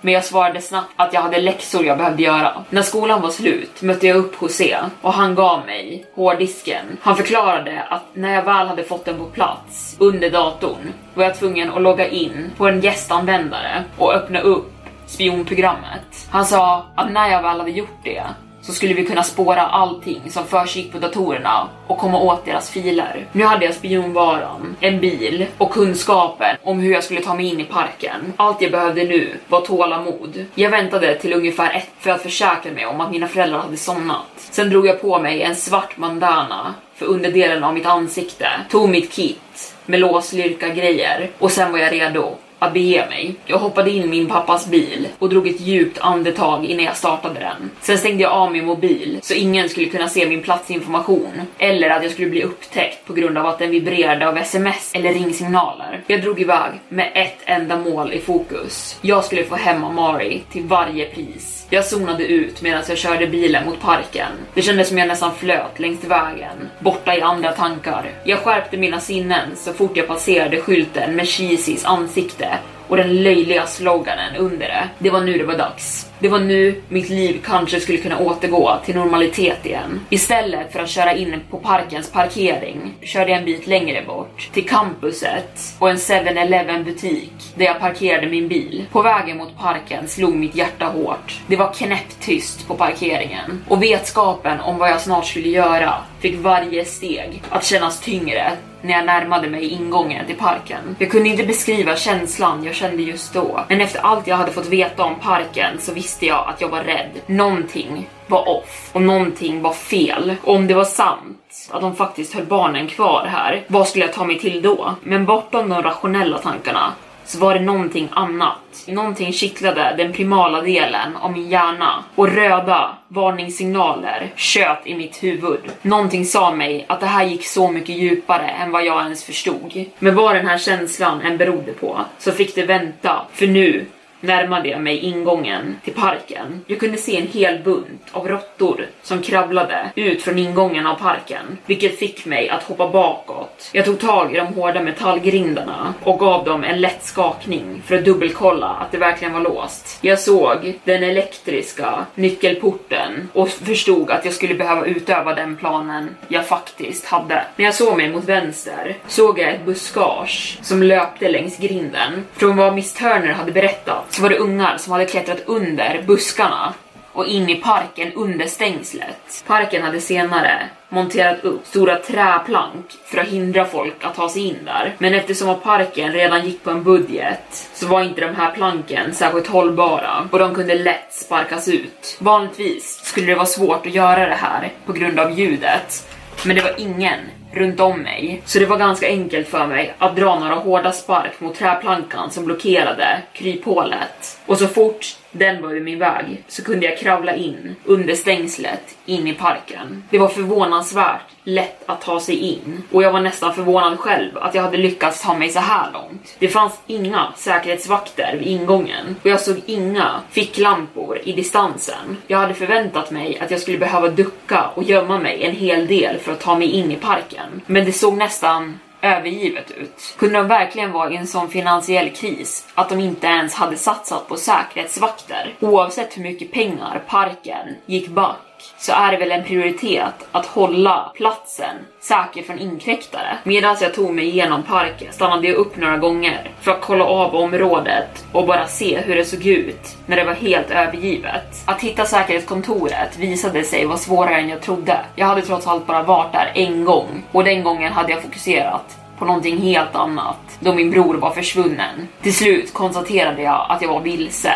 och jag skulle just leta upp parkens karta online på min mobil för att ta reda på vart jag faktiskt befann mig. Men så fort jag drog fram min telefon hörde jag ett ljud i distansen. Det var det väldigt bekanta ljudet av någon som sparkade till en läskburk. Jag skannade direkt av området runt mig, men jag såg inga ficklampor och jag hörde inga röster. Logiskt sett skulle man kunna tro att det var ett djur som hade gjort lätet. Men längst bak i mitt huvud så visste jag att det var någonting helt annat. Jag fortsatte skanna av området och till min förskräckelse så bekräftade vad jag såg min onda föraning om det här stället. Ståendes en bit bort, vänd mot mig, var Ronald. Han var lätt upplyst av de dova belysningarna i parken, så jag kunde ändå avgöra detaljer med hans utseende. Och vad jag såg gjorde mig så rädd, så jag rös ända in i ryggmärgen. Hans dräkt var skitig och hans vanligtvis uppstående öron hängde nu lågt. Delar av dräkten var förruttnade och han stod hukad framåt med hans långa armar hängandes framför sig. I en sekund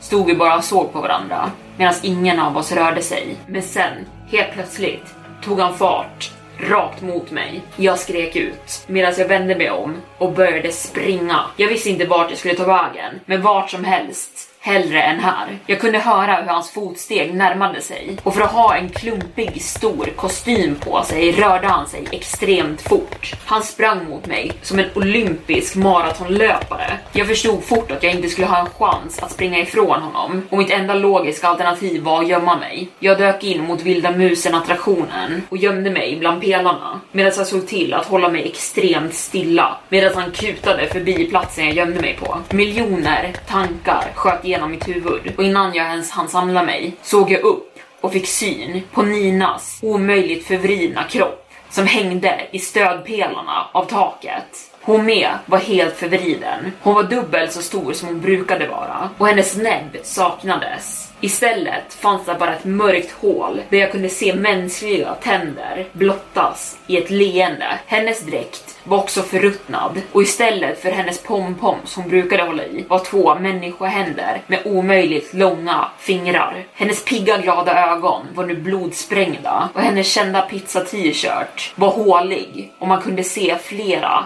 fjädrar sticka ut från den. Hon såg ner på mig som en spindel såg på sitt byte medan droppar av saliv droppade från hennes mungipor och så fort vi fick ögonkontakt tog hon ett språng ner från taket rakt mot mig. Jag sprang in i mörkret. Jag brydde mig inte om vart jag hamnade. Jag var livrädd och i en kort sekund vågade jag se mig bakåt och såg att hon nu sprang på alla fyra medan hon löpte över alla hinder. Inte bara var jag oroad för Nina, men jag visste att Ronald fortfarande letade efter mig någonstans och jag hade absolut ingenting att försvara mig mot de här monstren med. Och en stund hade jag tänkt att de säkerligen skulle fånga mig till slut eftersom jag inte hade någonstans att ta vägen. Men av ren tur fick jag syn på spökslottet i parken och tänkte att där inne skulle jag kunna gömma mig. Men när jag började springa mot det tog någonting tag i min vrist och jag föll till marken. Innan jag visste det blev jag dragen in i ett buskage av iskalla händer och när jag kunde se upp så såg jag till min förskräckelse vem som hade fångat mig. Dizzy såg ner på mig och han drog mig med sån kraft så jag hade ingen chans att ställa mig upp. Och som förväntat såg han också förfallen och förvriden ut. Hans munkorg hängde som en utpyst ballong och hans hatt hade flera hål i sig där det kröp ut flertal kryp. Sträckte han sig in i min ficka och tog tag i hårddisken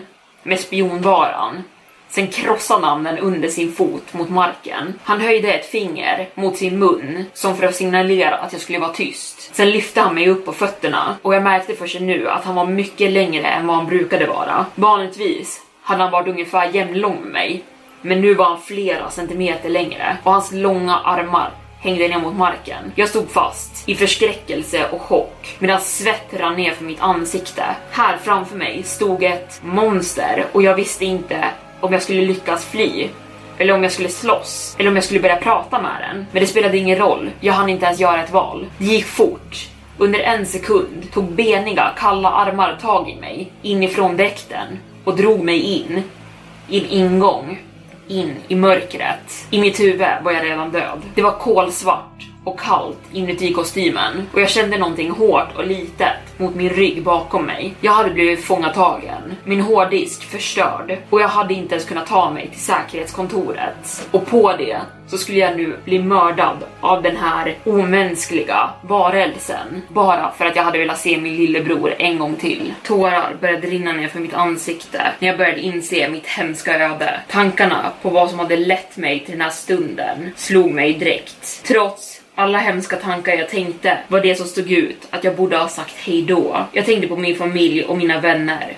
Chloe och Mark. Och mest av allt Amari och att jag aldrig mer skulle få träffa dem. Och varför? För att jag var för rädd för att be om hjälp. För att jag kände att jag kunde hantera allt det här ensam. För att jag gav mig in på någonting jag uppenbarligen inte förstod. Det minsta jag kunde ha gjort var att vara ärlig. Jag kunde i alla fall sagt hej då och att jag älskade dem. Så att de i alla fall skulle veta hur mycket jag brytt mig om dem. Och nu var det här mitt straff. Jag var inne i dräkten i vad som kändes som timmar. Till min totala förvåning så kunde jag känna ett sätt av iskalla händer ta tag i mig och dra mig ut ur dräkten. Jag stod nu utanför igen, tillbaka i parken och Dizzy stod lutad över mig. Jag tog mig upp på fötter och han pekade då mot utgången av parken menandes. Jag kunde nu se att Ronald och Nina var tillbaka och de närmade sig oss och till min förskräckelse hade de hämtat fler hemska karaktärer som alla var förvridna. Och till och med när jag hade tagit mig ut på parkeringen fortsatte jag inte springa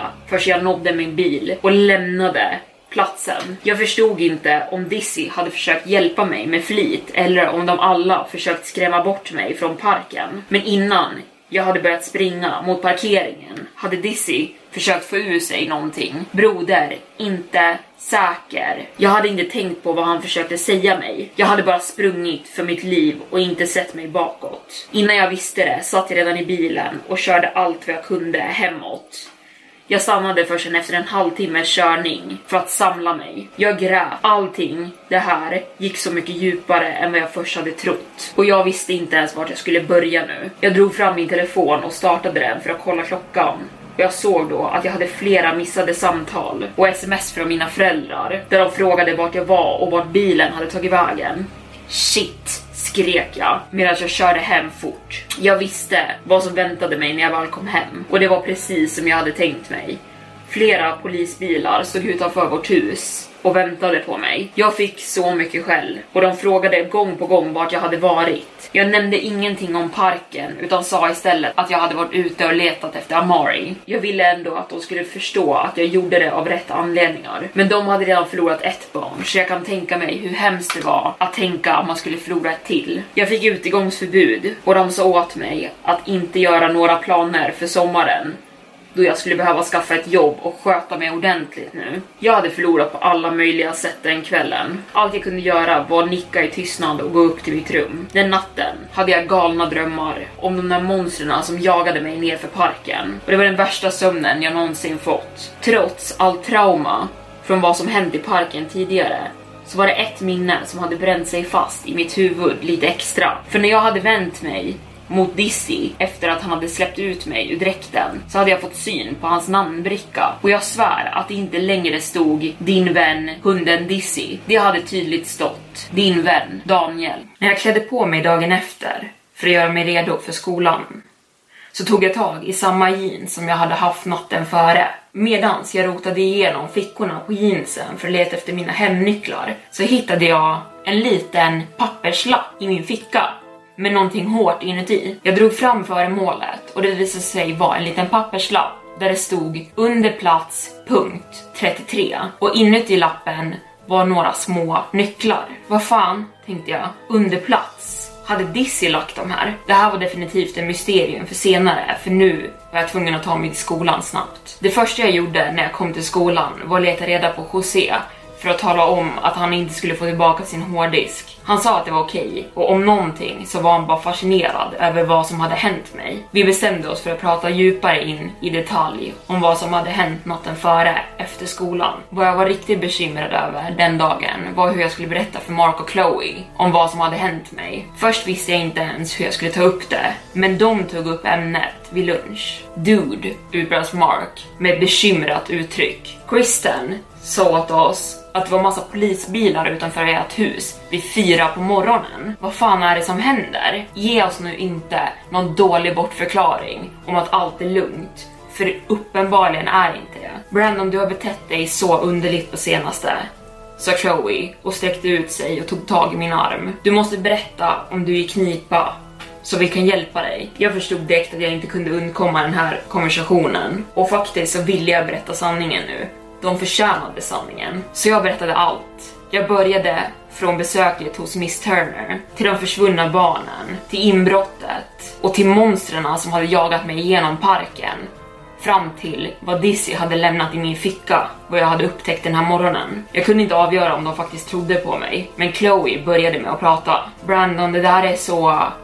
fucked, sa Mark. Ja, fortsatte hon. Jag kanske inte förstår någonting av det här, men vi är alltid här för dig oavsett. Och jag kan inte ens föreställa mig hur läskigt allt det här måste vara för dig. Du nämnde att Dizzy hade gett dig några nycklar, frågade Mark. Tror du att jag skulle kunna få kika på dem en snabbis? Jag sträckte ner min hand i fickan och drog fram nycklarna jag fått och gav dem till Mark. Han inspekterade nycklarna en stund och konstaterade sen att det här är samma sorts nycklar vi använde för att starta åkattraktionerna. Men varför skulle han vilja ge dem här till dig? Vet inte, men egentligen spelar det ingen roll för jag kommer varken få eller kunna ta mig ut ur mitt hus på ett bra tag efter det här. Och just det, förresten Chloe, jag kommer inte kunna komma på festen på fredag. Det är okej, okay, svarade Chloe. Det är inte det viktiga. Det viktiga är att någonting uppenbart försiggår här. Och vad det än är så verkar de där varelserna väldigt bestämda på att inte låta dig avslöja det. Men varför skulle Dizzy ha låtit honom gå då? Frågade Mark. Och vad den är parken döljer, varför dödade de inte bara Brandon när de hade chansen? Chloe ryckte på axlarna.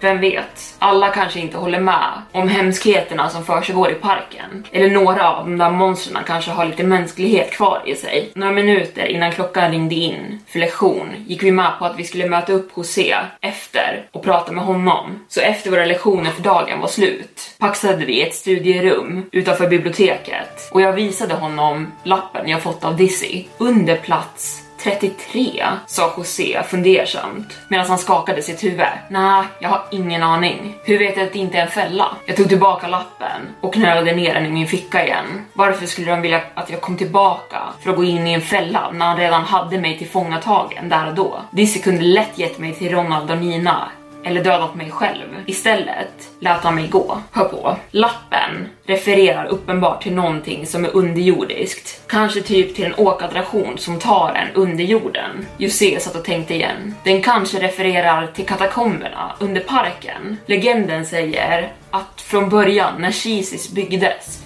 så gjorde de underjordiska tunnlar, katakomber, som de anställda kunde ta sig igenom. Det kanske är det lappen refererar till. Chloe korsade sina armar medan hon tänkte och vände sig sen mot Mark och sa Mark, du jobbade där. Vet du någonting om katakomberna? Ja, men från vad jag vet så användes de bara i början av parkens start. I moderna tider så har ju parken behövt dra ner så mycket på budgeten. Jag tror inte tunnlarna användes efter det. Det senaste jag har hört att de användes för var som förrådsutrymme. Nåväl, det är ju en början i alla fall. Det känns mest logiskt, eller hur? Men vad menas med 33? Både Mark och José var förumplade över det här. De hade ingen aning. Numret 33 sa oss ingenting och hur vi än vred på det kunde vi inte komma fram till någonting. Efter vi alla hade försökt brainstorma ett bra tag återgick vi till att prata om katakomberna. Så i teori, hur skulle jag kunna ta mig ner där? Frågade jag José. Vi, utbrast Chloe. Om du ska dit så kommer vi med dig, Mark och jag. Vänta, Mark ska vart? Med vem? Frågade Mark med ett höjt ögonbryn. Kan vi eh, diskutera det här lite först? Därpå gav Chloe Mark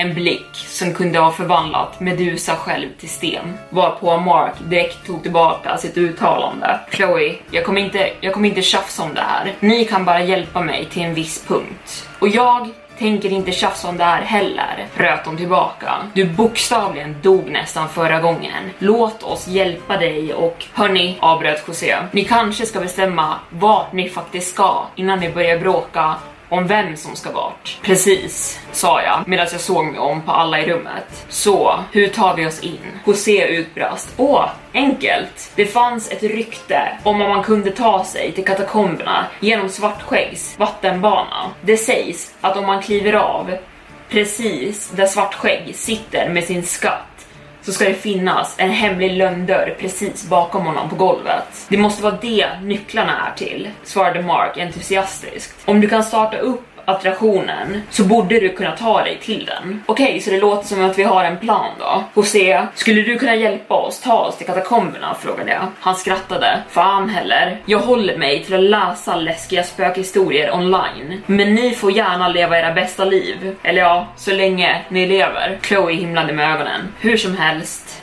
Ett problem. Våra trevliga, utklädda vänner i parken. Det kryllar förmodligen med dem där. Och vem vet? Vad som väntar oss inuti åkattraktionerna. Hon hade en poäng. Om jag inte ens kunde ta mig till säkerhetskontoret, vad var oddsen att jag skulle lyckas ta mig till Svartskäggs vattenbana och ner i katakomberna? Och om jag gjorde det, vad är det som säger att de inte skulle vänta på mig väl där nere? José sa åt oss att han behövde plugga och önskade oss lycka till och vi avslutade vårt lilla möte med det. Vi hade gjort framsteg, men jag visste att jag skulle behöva prata med Miss Turner. Mark släppte av mig hemma och jag gick direkt upp på mitt rum för att ringa henne. Hallå? Den bekanta rösten svarade på andra änden. Hej Miss Turner, det är Brandon igen. Jag åkte tillbaka till parken och jag såg någonting jag tror du behöver veta. Jag fortsatte med att berätta allting som hade hänt och hur jag hade stött in i hennes son, Daniel. Eller ja, vad som kvarstod av honom. Jag är hemskt ledsen Miss Turner, jag... Nej, var inte det. Du hittade honom. Tack. Trots att jag hittade honom i det skicket vad som än kvarstår, kvarstår. Men det är min resa att handskas med. Vad du just berättade för mig styrker bara det jag alltid har trott. Det där stället, rent jävla ont. Och inget av det kan få kvarstå. Och vad menar du med det exakt? Frågade jag. Det spelar ingen roll än. Hittade du någonting annat? När Dizzy, eller Daniel, tog tag i mig så la han ner någonting i min ficka. Det visade sig vara en liten lapp med ett par nycklar under plats och två nycklar som går till en åkattraktion. Vi tror att han vill att jag ska ta mig till katakomberna, men jag är inte säker på vad jag kommer hitta där under. Så när ska du tillbaka? Jag vet inte. Mina föräldrar är inte direkt överlyckliga över att jag smög ut häromdagen, så jag vet inte när jag kommer kunna lämna huset igen. Brandon! Jag blev chockad över sättet hon höjde sin röst mot mig. Det här är mycket större än att dina föräldrar har gett dig utegångsförbud. Din bror och flertal andra barn står på spel här. Hon hade rätt. Även trots att jag var rädd för vad mina föräldrar skulle göra mot mig, så var jag mycket mer rädd för vad parken skulle göra mot Amari. Sanningen var att jag visste inte om jag skulle kunna rädda honom, men jag var tvungen att göra allting jag bara kunde för att försöka. Jag frågade henne om vi kunde träffas vid en lokal restaurang och prata om det här, öga mot öga. Hon gick med på det och jag frågade Chloe och Mark om de ville följa med. Efter skolan nästa dag körde vi tillsammans till den bestämda platsen vi skulle möta Miss Turner på. Och när vi körde upp på parkeringen stod hon och rökte en cigarett som hon snabbt fimpade när hon fick syn på oss. Efter de lite stela introduktionerna så kom vi till poängen. Så, när ska du tillbaka? frågade hon ännu en gång. Mitt svar var tydligt och jag hade bestämt mig, hur rädd jag än var. Jag ska tillbaka. Bra, svarade Miss Turner. Och dina vänner? Chloe tvekade inte på att svara och sa ja, vi ska dit med honom. Okej, okay, time out, avbröt Mark. Kan vi prata om det här? Alltså verkligen, prata om allt det här. Är inte det här ett jobb för polisen? Och hur vet vi att de där sakerna verkligen var monster eller vad du nu kallade dem för. Eller om det bara är parken som gillar att driva med folk. Jag himlade med ögonen. Mark, tror du verkligen att polisen kommer tro på vad jag såg där? Och du tror verkligen att de bara är beredda på att jävlas med folk om någon vid sällsynta tillfällen bryter sig in där. Jag var inne i dräkten Mark och det fanns bokstavligen inte en person där för att driva med mig. Jag vet inte mannen, jag vet bara inte. Men om vi bara berättar för polisen att det är någonting som händer på parken och de åker dit, undersöker det och allting är lugnt. Miss Turner avbröt. Du, jag tvivlar på att de där varelserna kommer låta några poliser få syn på dem. Även om de gjorde det kommer poliserna förmodligen bara tro att det är vanliga anställda. De skulle inte utföra en utredning om det. Okej, okay, men Det här då? Hur vet vi att det här inte bara är något galet bullshit? Hörni, vi pratar om olaga intrång här. Brandon, du är min bror och jag vill tro dig, men det, allt det här verkar bara så himla galet. Och hur vet jag att det här inte är bara en galen berättelse du har kommit på för att du vill ha hämnd mot parken, Brandon? Han hade en poäng. Jag hade inget bevis på vad jag faktiskt hade sett. Och det fanns definitivt motiv för mig att vilja hämnas på dem. Jag klev ett steg framåt och sa du vet inte. Du kan inte veta förrän du ser det själv. Och för att vara ärlig så vill jag inte att ni ska följa med. Och jag vill inte att ni ska behöva se vad jag såg. Så här är dealen. Ni båda har en utväg här. Jag vill inte ha er där. Och om ingen av er faktiskt vill följa med, följ inte med. Så enkelt är det. Jag skulle mer än gärna vilja ha vetskapen av att ni båda är säkra. De båda övervägde sina val en stund i tystnad. Sen såg de på varandra och nickade. Vi är här för dig mannen. Varje steg på vägen, sa Mark. Så vad är planen? frågade Chloe. Direkt efter Chloe frågat detta fick Miss Turner syn på en råtta som kravlade runt hennes fötter och skrek till. Hon sa direkt åt oss att vi behövde åka hem och att vi skulle diskutera planen senare medan hon skyndade sig in i sin bil. Jag blev förvirrad över hennes abrupta beteende medan vi såg henne hoppa in i bilen och snabbt åka därifrån. Hon är en udda dam, poängterade Chloe. Hon inspirerade absolut inget mod i mitt beslut att åka till parken i alla fall, instämde Mark. Jag höll med.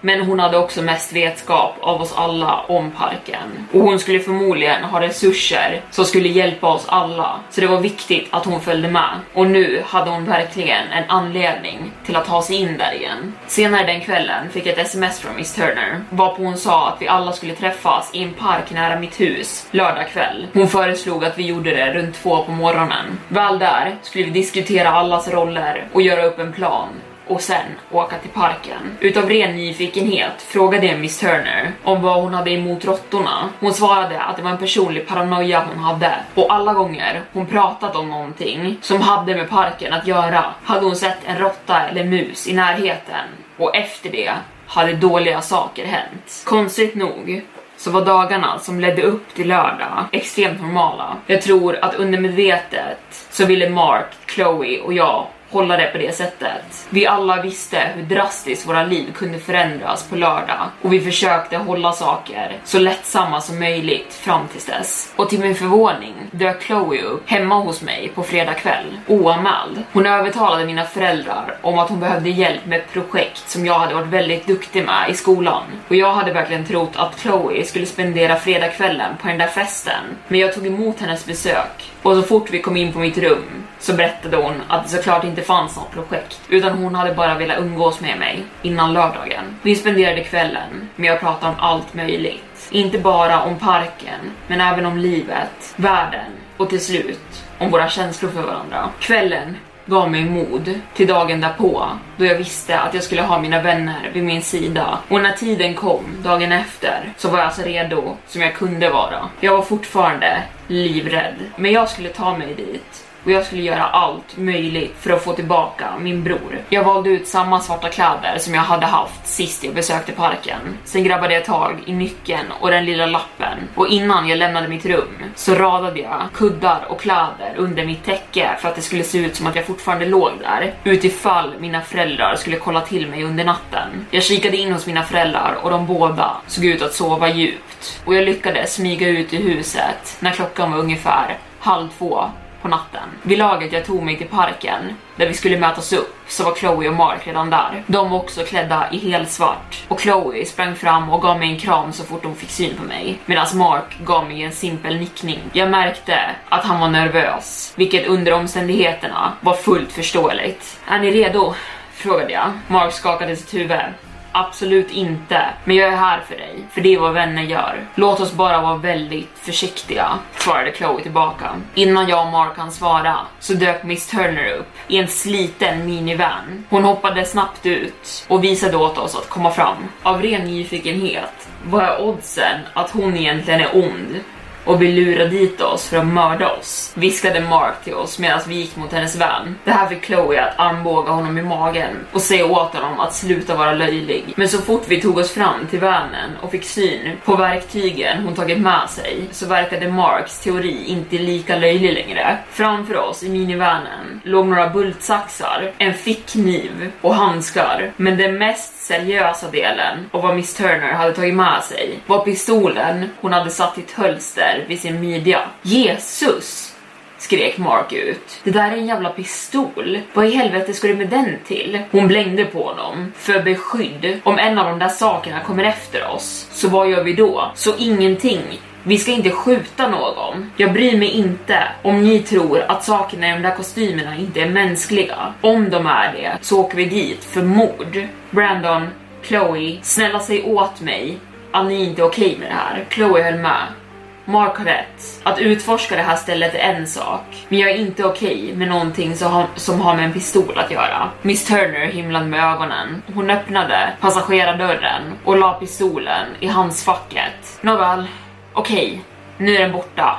Inget problem, kan vi åka nu? Vi alla tre hoppade in i hennes bil och jag satte mig i framsätet med henne. Fordonet hade en distinkt lukt av bensin och cigarettrök och insidan av vanen såg ut att ha haft bättre dagar och jag är rätt säker på att tomma ölburkar rullade omkring på golvet vid mina fötter. En del av mig tyckte så synd om Miss Turner. Här var hon och förlitade sig på några ungdomar för att läka hennes flera år av trauma. Jag kan inte ens föreställa mig hur desperat hon måste ha känt sig med tanke på att hon var villig att genomföra den här planen. Åkturen dit var i tystnad. Jag visste inte om det var för att vi alla var så pass nervösa eller om vi satt och fokuserade. Förmodligen en blandning av båda. Jag kan bara tala för mig själv men flera gånger under åkturen fick jag motstå impulsen av att se åt Miss Turner att stanna bilen och släppa av oss så att vi kunde gå hem. Och desto mer vi närmade parken, desto värre blev min ångest när jag fick upp bilder av monstren jag träffat på i parken vid min förra visit. När vi äntligen tog oss fram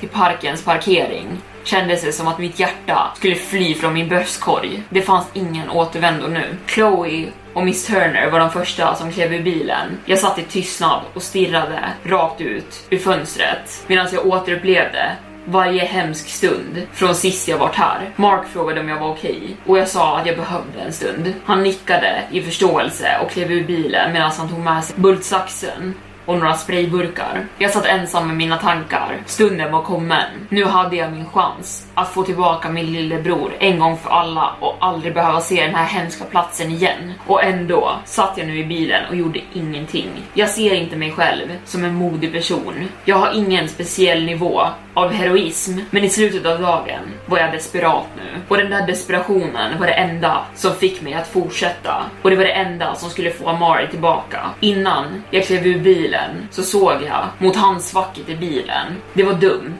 Jag hade aldrig skjutit en pistol förr i mitt liv. Men om jag skulle få tillbaka Amari så kanske det inte vore så dumt att ha den. Jag öppnade snabbt handskfacket, tog tag i pistolen och satt den i byxlinningen och sen täckte jag över resten av den med min hoodie. Jag tog ett djupt andetag och klev sen ut ur bilen, ut i kylan. Det var så kallt ute så det fick mina tankar att skärpa till sig. Miss Turner blickade mig från topp till tå och frågade om jag var redo. Jag nickade. Så vad är planen? Mark och jag kommer försöka dra uppmärksamheten från de där varelserna bort från er medan du och Chloe försöker ta er till Svartskäggs vattenbana. Hon kommer att starta den medan du gömmer dig i en av båtarna och väntar tills delen där du ska kliva upp. Vänta, varför följer inte Mark med mig? frågade jag. Han har mer erfarenhet av åkattraktionerna så han borde veta hur man kör den, eller hur? Det gör jag, svarade Mark. Men om planen förlitar sig på att bli runtjagad i parken så är min cardio ett bättre bett än om Chloe ska springa. Och bortsett från det så är det enkelt att köra den där berg och dalbanan. Och jag har redan berättat för Chloe hur man gör det när du var i bilen. Okej, okay, visst, men ni drar därifrån så fort vattenbanan sätts igång. Både du och Mark, sa jag medan jag såg mot Chloe. Men om jag vill åka med dig? Frågade Chloe. Nej, ni två har redan gjort tillräckligt. Chloe, så fort attraktionen börjar åka dra därifrån. Mark, jag smsar dig och det kommer vara samma sak med dig. Dra därifrån. Så vart ska jag och Chloe dra? Det bästa vore om ni drar någonstans vid campuset. Kommer du dra med dem, Miss Turner? Hon skakade sitt huvud. Nej, jag lämnar nycklarna med Chloe. Jag möter er senare. Och vad ska du göra medan vi drar härifrån? Frågade jag. Du ska alltså inte lämna parken med dem. Brandon, vi alla har våra mål här. Det är bättre om ni fokuserar på att hålla er i säkerhet. Trots att jag var väldigt nyfiken på vad hon faktiskt hade planerat så hade jag faktiskt inte mycket tid till att tänka över det. Och det var lugnt för mig. Jag ville bara ha Amari tillbaka. Vi gick över till grindarna in till parken och spenderade några minuter på att klippa upp låsen som höll dem stängda. Och så fort vi klippte sönder dem föll de till marken med en hög duns. Och vi visste nu att det fanns ingen återvändo. Sakta puttade vi upp grindarna till parken och det som väntade på oss på andra sidan var bara ett tyst, öde helveteslandskap som förklädde sig som en nöjespark. Mark klev in först och började leda oss mot Svartskäggs vattenbana. Vi rörde oss metodiskt genom parken och gjorde vårt bästa för att inte göra ifrån oss något läte överhuvudtaget. Och först verkade det fungera. Jag hade nästan hopp om att vi skulle lyckas ta oss igenom parken utan att stöta på någon av karaktärerna. Men precis när jag började slappna av lite grann så fick vi syn på Nina. Hon satt ovanpå läskburken på en kiosk med sin förvridna, spindelliknande kropp. Chloe, Mark och Miss Turner såg på i fasa när den missformade, spindelliknande karaktären klamrade sig fast på byggnaden och såg ner på oss. Och så fort den verkade registrera vilka vi faktiskt var tog den fart rakt mot oss. Vi delade direkt upp oss i två grupper och sprang åt motsatta håll. Men Nina brydde sig inte. Hon gav sig efter mig och Chloe direkt. Då tog Mark upp en närliggande sten och kastade den rakt mot Nina. Och utan minsta tvivel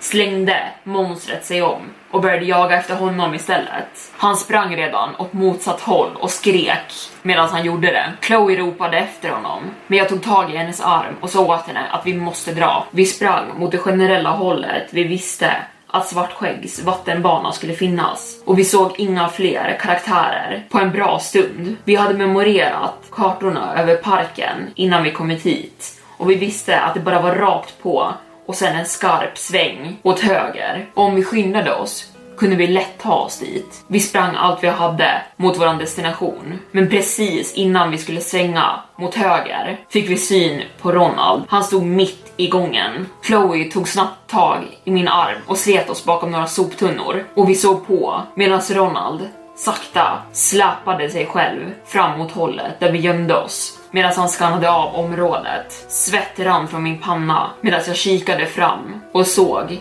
det själlösa liket dra sin kropp fram mellan gången. Den rörde sig tyst och trots att dens ögon var fokuserade rakt framåt så kändes det som att den skulle märka minsta lilla rörelse runt omkring den. Och precis när den skulle passera oss så stannade den. Mitt hjärta sjönk och jag drog direkt tillbaka mitt huvud och gjorde mig själv så liten jag bara kunde när jag hukade bakom soptunnorna. Jag slöt mina ögon och bad att den där saken inte skulle få syn på oss och jag hade en så dålig känsla av att den redan visste vart vi gömde oss och vi hade nu ingenstans att fly. Allt vi kunde göra var att sitta i tystnad och be att den skulle ge sig av. En konstig kyla svepte över mig och precis när jag trodde att han skulle sträcka sig över soptunnorna och grabba tag i mig så hörde jag en röst komma en bit bort. Det var Mark. Han stod på andra sidan av gångvägen och skrek för full hals för att få Ronalds uppmärksamhet och utan att tveka gav den sig efter Mark direkt. Chloe och jag tog våran chans och satt fart. Vi kunde känna flera par ögon bevaka oss medan vi sprang den sista biten mot vattenbanan och vi visste att vi alla var avslöjade nu. De visste att vi var här och nu var våran bästa chans att ta oss till Svartskäggs vattenbana och avsluta det vi kommit hit för att göra. Och så fort vi fick syn på attraktionen kickade en extra adrenalinkick in och vi gled in i den tomma byggnaden där vattenbanan fanns. En smal, slank figur reste sig ormlikt upp på sina två smala ben från mörkret. Karaktären såg ut som en lång, förfallen docka med smälta ansiktsdrag och röda ögon som stirrade rakt mot oss. Trots att den såg mot oss så vågade den inte ta sig in vid vattenbanan. Jag kunde känna tårarna rinna ner för mitt öga medan jag såg dens hemska ansikte bevaka oss från den tomma lokalen utanför vattenbanan. Och inte för en sekund såg den bort från oss. Vi stod helt stilla och för någon okänd anledning så gav den sig iväg sakta och både jag och Chloe behövde en stund för att samla oss och i det stilla mörkret var allt jag kunde höra rinnande vatten från åkturen och Chloes dämpade snyftningar. Chloe viskade jag. Är du okej? Okay? Hör på. Jag sträckte mig ner i min ficka och letade efter nycklarna och sen försökte jag hitta hennes hand i mörkret för att ge dem till henne. Sekunden du startar den här åkturen, spring tillbaka till bilen och du behöver aldrig se den här platsen igen. Så fort jag hittade bilnycklarna placerade jag dem i hennes hand och hjälpte henne upp på fötter igen. Utan någon varning drog hon mig snabbt in till sig för en hård kram Medan hon sa att om hon skulle lämna mig här och om jag skulle ta mig in i katakomberna ensam så var jag tvungen att lova att jag skulle ta mig ut så fort det var gjort. Jag lovar, Chloe för det. Hon använde sin mobillampa för att se över kontrollpanelen till åkturen. Sen började hon fiffla för att få igång vattenbanan. Det fanns sex stycken små båtar på rad och eftersom att jag inte visste vad som väntade mig väl där inne så valde jag den sjätte längst bak. Sen klämde jag ner mig under sätet för att vara så lite synlig som möjligt. Jag väntade tills jag hörde det distinkta ljudet av en ringsignal som talade om att åkturen gick igång och sen var jag iväg. Den lilla båten tog ett språng framåt och Svartskäggs värld kom till liv. Jag kunde bara kika ut lite grann från mitt gömställe, vilket lät mig se de obehagliga robotkaraktärerna dansa och sjunga och dåligt mima till, till Cheezys kända piratlåtar. Jag hade helt glömt bort hur lång den här åkturen kändes. När jag tog mig till delen där man kunde börja höra kanoneld avfyras så visste jag att jag hade åkt halvvägs och allt jag behövde göra var att vänta. Men mitt i kanonelden kunde jag höra ett isande hemskt skrik. Det lät som någon som varit i smärta i flera hundra år. Och en stor, mörk figur reser sig bland röken från kanonelden och mina ögon vidgades när jag fick syn på den robotliknande karaktären som nu var inom mitt synfält. Den animerade piraten hade stora vita ögon, en stor kroknäsa som nästan såg ut som en näbb. Hans två massiva händer hade omöjligt långa mänskliga fingrar som såg ut mer som klor. Och hans piratutstyrsel var täckt av mögliga koraller. Jag hoppades att han inte skulle få syn på mig, men mitt hopp var förgäves när jag hörde honom skrika mitt namn medan han hoppade på den första båten som flöt längs banan. Brandon, hans röst ekade högt och den lät fortfarande mekanisk. Vart fan är min skatt? Din lilla skit. Jag kunde se honom leta igenom den första båten och när den var tom skrek han i ren frustration. Utan någon varning hoppade han snabbt på nästa båt och använde sina groteskt långa fingrar för att söka under sätena. Och när han inte hittade mig där heller flippade han hela båten så att den bara flög iväg med en hög krasch. Jag kommer välta varenda jävla båt. Boom, fyra båtar kvar. Men vi var också nästan framme nu. Jag kommer bryta din jävla nacke så fort jag hittar dig. Krasch, en till båt. Tre kvar. Och jag visste att vi var precis runt hörnet nu. Din lilla skit vart är min skatt va? Krasch, två båtar. Och jag kunde nu se att nästa rum var Svartskäggs skattrum. Du kommer dö idag. Krasch. Han var nu på min båt. Och jag tog min chans och gjorde ett utfall. Bort från båten, upp på plattformen, bland kistorna. Och den monsterlika roboten skrek argt efter mig. Och jag kunde se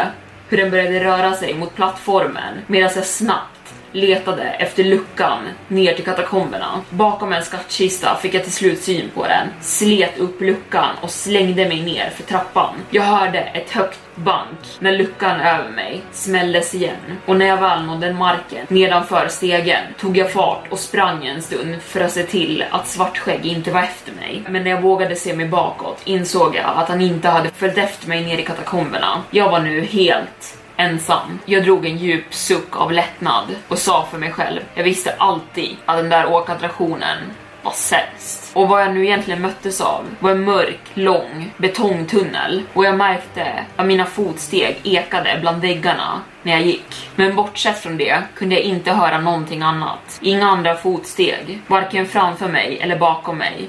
Och jag visste att för den första gången på länge var jag nu helt ensam. Jag fiskade fram min telefon för att se om jag hade någon täckning här nere och den var svag men den fanns. Jag ville smsa Mark, men jag märkte då att han redan hade smsat mig flera gånger. Mina ögon vidgades när jag scrollade igenom hans sms. Dude, vad fan? Jag tror den här kvinnan planerar någonting. Hon försvann när vi skildes åt och jag såg henne hälla bensin, sen ett i caps lock. Hon kommer bränna ner hela stället. Skynda och ta dig ut därifrån. Så Miss Turner hade alltså planerat att bränna ner hela det här stället. Och om inte jag fick tag i Amari och tog mig ut så skulle allt det här varit förgäves nu. Jag svarade Mark att springa tillbaka till bilen om man inte redan hade gjort det och få med sig Chloe och att jag skulle komma så fort jag kunde. Och för den första gången jag hade trott att jag hade en stund att andas ut hade jag fel. Jag blev direkt stressad och började jogga medan jag såg några råttor springa förbi mig i mörkret. De verkade vara den enda formen av liv här nere. I den här tunneln som fortsatt i gud vet hur länge. Till slut blev min joggning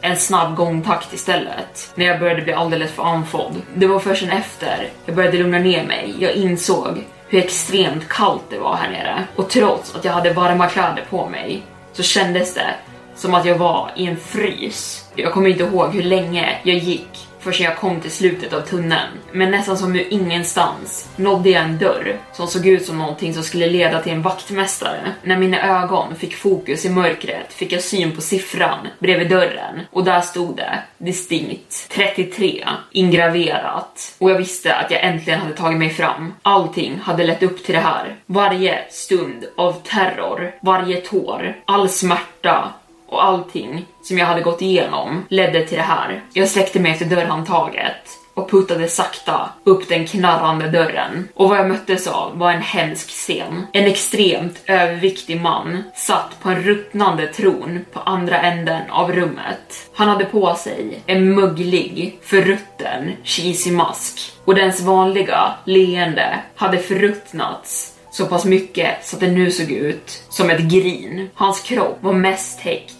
i vad som såg ut som ihopsydda delar av andra kläder. Och trots hans stora kroppsform så var hans fingrar långa och beniga och de grep desperat fast hårt om tronen. Vid hans fötter låg flera små mumifierade kroppar och hundratals av råttor fyllde rummet runt omkring honom. Luften där inne luktade ruttet och som cigarettrök mina ögon sved så fort jag klev in i det. Jesus Kristus, kved jag ut. Du har klivit in i riket av råttkungen Brandon. Vi har väntat på dig och du borde visa lite respekt. Hans röst var mörk och allvarlig med en hint av sarkasm och han nästan väste medan han talade. Visste du att jag skulle komma? Vi har hållit ett nära öga på dig ända sedan början. Vi hörde om dina planer och att du skulle komma på besök. Kungen sa åt sina betjänter att hålla ett noga öga ute, men trots det, till hans besvikelse, var en av mina undersåtar olydig, men sinom tid kommer jag handskas med honom. Jag kommer fixa honom. Allting kommer bli fixat. Han skrattade. Vi är ett kungarike pojke. Vi är de som sköter den här parken och allting som och försiggår i den. Så det är ni jävlar som tog min lillebror, spottade jag ur mig. Lycka här är garanterat och det är inte tillåtet att vara olycklig här. Parken tillåter inte. Men ännu viktigare är att råttkungen tillåter det inte här. Och trots det så var din lillebror olycklig. Det behövde fixas. Och det enda sättet att fixa det är att dedikera dig själv till att bringa lycka till andra besökare. Och det är bara så råttkungen kommer förlåta dig. Ilska började byggas upp inom mig. Varför gör du allt det här? Vi kunde bara ha lämnat parken. Jag förstår inte varför du måste orsaka så mycket smärta. Såklart du inte förstår pojke. Ingen kan nå nivån av upplysthet på det sättet som råttkungen har. Du säger att han orsakar smärta, men istället så bringar han lycka till det här stället. Till människor. Han är snäll. Du din galning kan tro vad du vill. Ge mig bara min lillebror tillbaka eller, eller vad pojke? Du hotar inte råttkungen. Ingen hotar råttkungen. Till och med mannen som finansierar mitt kungarike vågar inte hota mig. Varken han, eller polisen, eller median. Och vet du varför pojke? För att kungen hör allt. Han vet allt. Och hemligheter är värdefulla. Och råttkungen är rik på hemligheter. Jag var så klar med den här parken.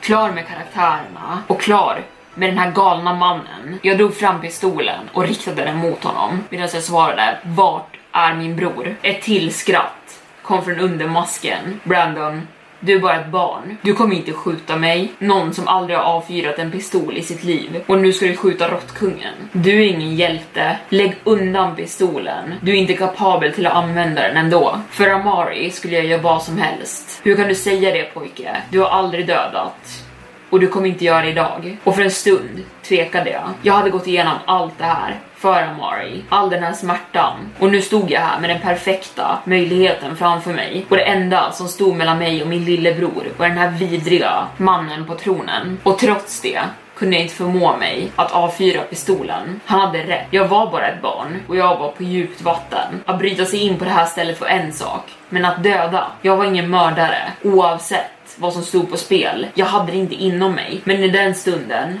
så behövde jag nödvändigtvis inte ens ha det. Du säger att det här stället är ditt kungarike, eller hur? Och om inte du ger tillbaka min bror så kommer det brinna ner till grunden. Va? Jag kunde höra en hint av stress i hans röst. Och fort kröp tre råttor upp från marken och in i ett hål i hans mask. Om du inte ger tillbaka Amari så kommer jag säga åt min vän där uppe att bränna ner hela parken. Och du kan kalla på dina undersåtar att komma hit och döda mig. Men jag kan garantera dig att mitt sms når min vän innan de hinner hit. Hur vågar du pojke? Hur vågar du? Den här gången när han talade kunde jag höra ren frustration i hans röst. Råttkungens tidigare kalla och lugna bemötande hade drastiskt förändrats nu. Och just nu kändes det som att pistolen var mer i självförsvar än den var hotfull. Lämna min park pojke, jag befaller dig. Och först trodde jag att unga Amari kunde ge lycka till andra barn. Men nu ser jag av förruttnelsen går genom familjen. Han kanske inte duger till mer än råttmat. Hur vågar han ta Amari från mig? Och sen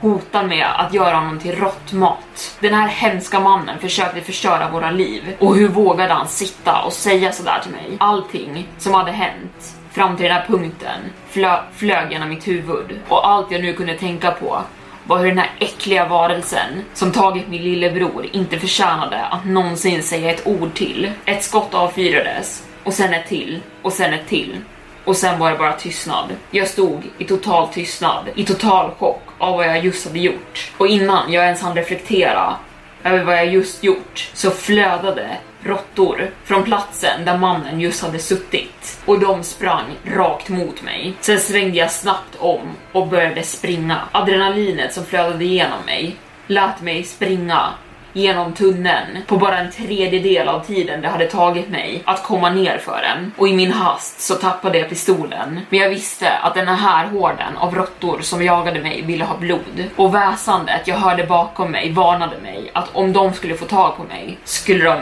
skulle de rensa mig tom till mina ben. Jag slogs av lättnad så fort jag fick syn på stegen som ledde upp till Svartskäggs vattenbana. Och när jag var några meter ifrån den slängde jag mig i luften och tog tag i ett av trappstegen och började klättra upp fort. När jag såg mig om neråt såg jag hur det kryllade om råttor under mig och så fort jag tog mig ut ur luckan på plattformen såg jag hur de fortsatt ta sig igenom varje liten springa jagandes efter mig. Jag skenade iväg mot utgången av åkturen och jag slutade inte att springa för mitt liv förrän jag nådde grindarna ut från parken. Jag flög över minsta lilla hinder och inte en enda gång såg jag mig om bakåt för att se vad som potentiellt kunde jaga efter mig. Och inte en stund för tidigt fick jag syn på vanen som fortfarande stod kvar på parkeringen. Och så fort Mark fick syn på mig började han skrika och öppnade dörren så att jag kunde slänga mig in i bilen. Direkt efter att jag hade gjort detta såg vi alla på när parken gick upp i lågor. Vi väntade på att Miss Turner skulle komma, men hon gjorde det aldrig. Vi försökte smsa och ringa henne, men alla samtal gick till hennes röstbrevlåda direkt. Till slut så förstod vi att vi inte kunde stå kvar här längre. Då polis och brandkår skulle dyka upp snart och vi var tvungna att köra därifrån. Jag kommer inte ihåg vilken tid vi tog oss tillbaka till parken där vi hade mötts upp tidigare. Vi hade fortfarande en liten stund på oss innan solen gick upp och vi spenderade den tiden med att bara gråta. Den där kvällen skadade oss alla och såren finns fortfarande kvar idag. Och det var inte förrän ungefär vid 6-7 på morgonen någon av oss kände oss klara att bege oss av hemåt. Vi lämnade vanen parkerad vid parken och gick hela vägen hem utan att säga ett ord till varandra. Vi alla var bara så trötta, men jag tog det extra hårt. Efter allt det här så misslyckades jag ännu en gång. Jag drog bokstavligen Mark och Chloe genom helvetet och ändå hade vi inte fått tillbaka min bror. Och jag kände att om Chloe och Mark skulle hata mig för resten av mitt liv så skulle det vara rättfärdigat. Jag lyckades smyga in i mitt hus obemärkt. Ingen hade märkt min frånvaro den här gången. Det var inte förrän vid ett på dagen, dagen därpå, som det knackade på våran ytterdörr. Jag orkade inte gå ner. Istället gjorde min mamma det. Och när hon gjorde det kunde jag höra hon skrek och det här fick mig att skynda mig ner på nedervåningen. Utanför ytterdörren stod en polis, hand i hand med Amari. Han såg helt orörd ut sen den dagen vi, vi sist hade sett honom. Mina ögon vidgades och jag sprang fram till honom och gav honom den största kramen någonsin. Jag berättade för honom hur mycket jag älskade honom och att jag aldrig skulle låta honom komma ur sikte igen. Polismannen berättade för oss att Amari påstod att medans Miss Turner höll på och riggade elden hade Dizzy hjälpt in honom i ett hemligt rum under konserthallen och det var där polisen hade hittat honom efter att brandmännen hade släckt branden i parken. Det tog flera år av terapi för Amari att bli bekväm med att prata om vad som hände honom i parken. Och trots det var han inte bekväm med att gå in för mycket på detaljer. Men en sak han är säker på, än idag, är att han vet inte hur han blev tagen. Allting han minns var att han blev bortledd av någon anställd i parken som sagt att de skulle ta honom till den hemliga platsen. Och efter det här behandlade vi honom som den mest värdefulla saken i världen. Livet för mig nu är bra. Chloe och jag bor tillsammans. Och Mark bor i närheten av oss. Men ibland, när vi lämnar våran lägenhet, så ser vi en bunt av råttor väntandes utanför våran ytterdörr. Det är konstigt med tanke på att det inte verkar finnas ett råttproblem i resten av området. Och för mig har det alltid lett till en gnagande tanke. Tänk om råttkungen fortfarande är där ute någonstans. Och där stänger jag igen Storytime-boken för denna gång. Alltså ni fick ett två timmar långt avsnitt.